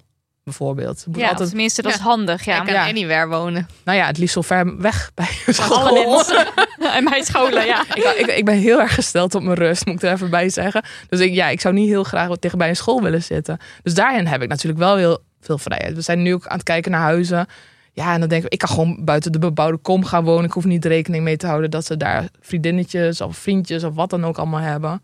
Dus daarin ben ik wel weer heel vrij. En dat Ja. vind ik wel, eh, dat is wel een luxe. Ik denk dus ook dat het beeld als je ehm, kiest voor een kindvrije bestaan, dat mensen dan zoiets hebben van, van maar wat is, wat is dan de zin van je leven of zo? Wat ga je dan, dan doen? En eh, of dan moet je wel iets heel groots doen. Of dan kies je helemaal voor je carrière. En, en daar hebben we ook vragen over gekregen. Bijvoorbeeld deze. Eh, ik merk bij mensen met kinderen dat hun kinderen alles voor ze zijn. En terecht. Staat er tussen haakjes achter. Eh, wat, maar vooral hoe kan ik iets in mijn leven implementeren dat dezelfde ruimte opvult, zodat ik niet het gevoel heb dat mijn leven leeg, tussen aanhalingstekens, is als meer mensen om mij heen kinderen krijgen. Eh, en het, ook mensen die bijvoorbeeld zeggen: op welke manier zorg je voor zingeven, zingeving in een kinderloos leven. I- iets over purpose en, en dan niet dat je je Ja. werken is. Zeg maar, eh, daar zijn mensen dan mee bezig. Hoe denk jij daarover? Het is best wel een, een feministische kwestie, vind je niet? Want zou je dat ook aan vaders stellen? Ja, absoluut. Want dat vind ik dus altijd zo wonderlijk. Het, is, het komt een beetje over alsof een vrouw alleen nut heeft als ze kinderen baart. En ik denk dat als je alleen dat nuttig vindt of dat zinvol vindt, dan ga je eigenlijk voorbij aan alles wat vrouwen kunnen en wat ze hebben te bieden. Dus dat vind ik, ehm, ja, vind ik niet zo'n fijn idee eigenlijk. Want vrouwen hebben zoveel te bieden naast dat ze kinderen kunnen baren. Ja, en dat het dus het idee is dat je dus wel iets echt, dat je weet ik veel, het, het medicijn tegen Ja, kanker zou moeten uitvinden om soort, als een soort tegenwicht tegen geen kinderen Ja, dat is toch- hebben. dat, dat is toch niet nodig? Ja, maar ik lees deze vraag niet per se zo hoor. Want ik weet wel ook dat mensen deze gevoelens hebben. Van Ja. eh, dan moet ik dus iets heel groots in mijn leven bereiken. Maar gewoon, ja, wat kan ik in mijn leven implementeren? Eh, want want je, ja, het leven wordt opgevuld door kinderen, automatisch. En dat is voor sommige mensen ook heel prettig. Want dan hoef je dus niet na te denken over hoe je je leven ja, opvult. ja, goeie. Maar op het moment dat je dus... Kijk, jij hebt heel erg eh, je drive vanuit je kunst en naar, en naar Engeland. En daar zit heel veel in jou, automatisch. Dus jij hoeft hier eigenlijk helemaal niet over na te denken. Maar voor mensen die minder dat hebben... Die denken, ja, maar wat ga ik doen dan? Dat, zo lees ik de vraag eigenlijk een beetje. Niet Ja, dus zozeer als van mijn leven is niks waard als Bij ik... kinderen is het gewoon duidelijk. Dat is dat. Ja, want dat het is, gewoon gewoon, kinderen. het is ook gewoon tijdopvulling uiteindelijk. Maar omdat ze, omdat ze woorden, woorden vinden als zingeving en purpose, dan denk ik echt, oké, wow, dat is, dat is meteen zo groot. Ja, Ja, Ja, ik, ik vraag me af of het leven ook zo groot moet zijn. En ook dat we Ja. zo actief bezig moeten zijn van hoe gaan we dit opvullen. En ik denk ook wel een beetje dat dat in onze generatie zit. Van we zien zoveel dingen online ook voorbij komen. Dus daar heb ik ook echt wel last van. Dat ik denk van, oh, dit kan ik ook nog doen. Oh, dit kan ik ook nog doen. Dat je op een gegeven moment denkt van, ja, je moet de hele tijd ook wel actief iets doen. Terwijl je je leven ook gewoon mag leven. En het mag gewoon kabbelen. En het hoeft niet Ja. heel groot te zijn. Ehm, bijvoorbeeld, eh, een van de voordelen bijvoorbeeld als je geen kinderen hebt, is dat je op vakantie kunt wanneer je wil. En dat is leuk. Dat is echt veel goedkoper en dat is ook heel erg leuk. En daarnaast mag je gewoon je werk doen en misschien heb je heel plezierig werk. Ehm, moet het echt veel groter zijn dan dat, als je daar geen behoefte aan hebt. Ik denk dat je ik, ik vind therapie echt zalig. Eh, weet je wel, want daar, ja echt. Daar kom je er zo goed achter van, waar, wat, tenminste ik kom er nu heel erg achter van, waar word ik blij van? Ik, Ja. ga, dat- ik noem het van, waar ga ik aan van? En dan merk je ook altijd in mijn gezicht, als ik praat over iets wat ik heel fijn vind. Ehm, dan zegt mijn therapeut dan van, oké, hier, nu ga je aan. ja. En dan gaan we dat noteren. En ik denk dat het heel fijn is, omdat dat, dat ook voor jezelf duidelijk is. En het hoeft niet groot te zijn. Het mag een moestuin zijn. Ja. Ja. Weet je, waar word je heel gelukkig van? Wil je twee kippen in je tuin eh rondschalen? Ja, of op je balkon. Eh, doe wat je wil. Ehm, maar het hoeft niet zo heel groot te zijn in de zin van, van hoe ge- Iets bereikt of het hoeft zo. geen zingeving te zijn. Het mag gewoon een leven zijn waar jij heel erg blij van wordt. En wat je net Ja, maar ook- dat is precies hoe ik zingeving ervaar. Want Ja. eh, bij mensen die zeggen vanuit, vanuit heel vroeger al van wat is de zin van het leven? En echt tot ik nog jong was, dat ik dacht, ja, gewoon dat je, naar, dat je lief bent naar de mensen om je heen en dat je het zelf naar je zin hebt. Dat is toch de zin van het leven? Als in, dat was voor mij een soort hele rare vraag. Terwijl Ja. dit natuurlijk een hele grote filosofische vraag is Hm. voor heel veel mensen. Ik word er ook wel. Voor mij is dat de zin van het leven. Je bent hier en je Ja. maakt er wat moois van. En je probeert ook andere mensen om jou heen een fijn gevoel te geven. En ik snap Zonder jezelf weg te cijferen. En ik snap het wel, want ik heb ook heel lang gedacht van ik moet iets nuttigs doen met mijn leven. Eh, daar is ook heel veel therapie aan te pas gekomen. Ehm, maar van, oh ja, ik moet wel echt iets nuttigs doen met mijn leven, anders is mijn leven vergooid. En ik ben nu steeds meer aan het leren van, nee, ik hoef niks nuttigs te doen. Ja, maar jij, jij zegt dat, maar dan denk ik wel. Ja, hallo. Ook als ik het zelf zeg. Hè. Ja, hallo. Jij zit een podcast te maken. Je hebt een boek geschreven. Je, je bent illustrator. Je verkoopt schilderijen. Lekker makkelijk praten voor iemand. Ja, maar want dat zijn hebt- natuurlijk hebt- allemaal geweldige dingen. Maar je hebt wel een, tenminste, Tenminste, kijk, als wij, zo kan als- het voelen voor mensen. Maar die- als je kijkt naar het boek, de podcast, weet ik veel, dan weet je dat het, tenminste bij, bij mij, bij ons, denk ik, komt het toch voort uit een, uit een drive Ja. om ook andere mensen ook gelukkig te ja, maken. oké, maar ons werk, dat is wel echt mijn ons drive. werk Ja. is dus wel vanuit een eigen drive. Ja. En er zijn ook heel veel mensen die doen werk, want ze moeten geld verdienen. Ja, En dat is nou eenmaal mijn baantje. En, hè. ja. en dat, ja, dat bestaat heel veel. Het is wel natuurlijk zo van, bijvoorbeeld, als ik, een, ik heb dat boek geschreven en dat is heel publiekelijk. Ja. Dus dat is voor een groot Maar het wil niet zeggen dat bijvoorbeeld als je op een kinderdagverblijf werkt, en je daar zingeving in vindt, eh, dat voelt misschien kleiner, maar dat is essentieel. Dat zijn hele belangrijke dingen. En dat is niet zo publiekelijk. En dan word je misschien minder gauw voor op je schouder geklopt. Ehm, maar ja, ik denk soms ook wel van, als ik niet mijn gezicht overal hoefde te laten zien en gewoon mijn boekje, boeken kon schrijven, vond ik het ook prima. Ja. Ja. Maar ja, mensen hebben dat beeld van je dat het dan. Maar het is toch ook zo, zeg maar, jij zegt nou, nou, sommige mensen die hebben gewoon een baan en meh. Ja, in mijn Maar- vorige baan had ik veel Ja. minder wat ik er nu uithaal. Nee, dat, dat snap ik wel. Ja. Maar het is meer, eh, ja, voor sommige mensen is het ook gewoon, daardoor verdien je je geld en kun je leven. En kun je dan weer de dingen doen die jou weer. een drive geven om de- weer enthousiast. Maar ik denk ook dat dat Ja. dus uiteindelijk het advies is wat jij zegt, dat je daar in therapie daar veel eh, over leert. Van wat sparkt bij jou nou echt dat je helemaal oplicht en dat je denkt, ja, dit vind ik mooi, fijn, leuk, vet Ja. om te doen. En dat je dat eigenlijk moet zoeken. En voor sommige mensen is dat er dus nog niet. Nee, En daar kan je dan actief naar op zoek Ja, gaan. dan kan je voor in therapie gaan. Bijvoorbeeld. maar ja, maar ja. ook gewoon met je vriendinnen daarover kletsen. Ja. Weet je, ga er gewoon dingen uitproberen misschien. Ja, en gewoon ook samen van, oh, samen bijvoorbeeld naar keramiek eh Ja. les of zo. Ja. Dat je ook samen dingen gaat uitproberen, maar daar ook gewoon heel veel over gaat praten. Het hoeft niet per se in therapie natuurlijk. Ehm, ja, Maar ik word ook wel echt ook heel enthousiast van het idee dat, dat je leven nog open ligt en je kan nog van alles Ja. doen. Daar Ja. kan ik gewoon alleen van dat idee. Dan kan het ook nog zo zijn dat ik gewoon de hele tijd in mijn nest lig. Maar gewoon van het idee dat ik in principe alles zelf mag bepalen Ja, over wat ik doe. Daar word ik al heel enthousiast ja van. ik ook. En dat Ja. vind ik zingeving en purpose genoeg. Dat ik dit zo mag invullen op een manier die ik leuk vind. Ja, Ja. ja vind ik En ook. wat ik ook interessant vind, wat je net zei, bijvoorbeeld eh, mijn. Ik denk dat we sowieso af moeten van het idee dat werk je hele identiteit is, of dat dat het hele nut is van je leven. Mhm. Ehm, ik denk dat het prima is om een baan te hebben, zodat jij het leven kunt bekostigen wat je graag wil doen. Ja. En hoe klein of groot dat dan ook mag zijn. Ik denk niet dat het eh, je, je, je werk, dat dat je hele purpose. Het kan fijn zijn, maar als het niet zo is en je Ja. kan daarnaast wel al die dingen doen waar je van oplicht. Yes. Ja, Ja. Je moet gewoon dingen vinden waar jij blij van wordt. En of dat nou in je werk is of, of na je werktijd, dat is allemaal prima. En dat kan best even zoeken zijn, maar dat is de zoektocht waard. Eens. Therapie. Dit was aflevering 169. Heel veel dank Marloes. Wat een heerlijk gesprek. Eh, ja, je volgt Marloes dus eh Marloes de V, VE. En je koopt dat boek. Ja, waar niet?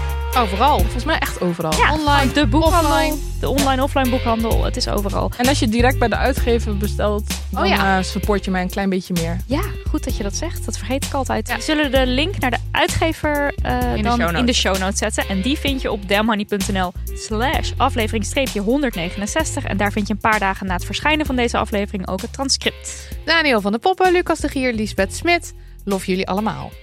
Bedankt aan de superhelden van onze transcriptclub. Ehm, ja, Daria. Daria, Daria, Daria. Erg, ja. Tot mijn grote schaamte was ik je eerder vergeten om eh, in het dankwoord te zetten. Terwijl je, hoeveel weken zit je al voor ons te typen? Dus daarom zetten we jullie extra in het zonnetje. Daria. Ik denk, ik zing even een lied om het goed te maken. zingt een aria over Een aria Daria. over Daria. Heel veel dank. Maar ook heel veel dank aan Pauline Yvonne, Paula Pieke, Guusje, Maaike, Tess, Anna, Klaartje, Isidore. Voor de laatste keer heel veel dank Isidore. En heel veel succes met alle coole dingen die je nu gaat doen. Je gaat volgens mij een radioshow maken en dat is helemaal fantastisch. Maaike, Robin, Julia en Cheyenne. Stuur post naar info.damhoney.nl. Of stuur geld op petjeaf.com slash damnhoney. Vanaf 1 euro per maand wordt je bonusbal en krijg je onder andere toegang tot onze bonuspodcast genaamd Je doet het er maar mee. Waar wij dus al uitgebreid hebben gepraat over of wij Over wel of geen kinderen, kinderen willen. En over of jij wel of niet in therapie gaat. Er is van alles aan de hand daar. Dus daar kan je naar luisteren. Je kan geld geven, weet ik het. Maar je kan het ook laten. Want Zelf, Zelf weten. weten. Kussens, bedden, matrassen, beddengoed. Emma Sleep heeft het allemaal. ga naar emma-sleep.nl om van jouw slaapkamer een slaapparadijs te maken. Er is nu moederdag sale gaande met kortingen die oplopen tot wel 50%. Gebruik de code DAMHONEY voor nog eens 10% korting daarbovenop.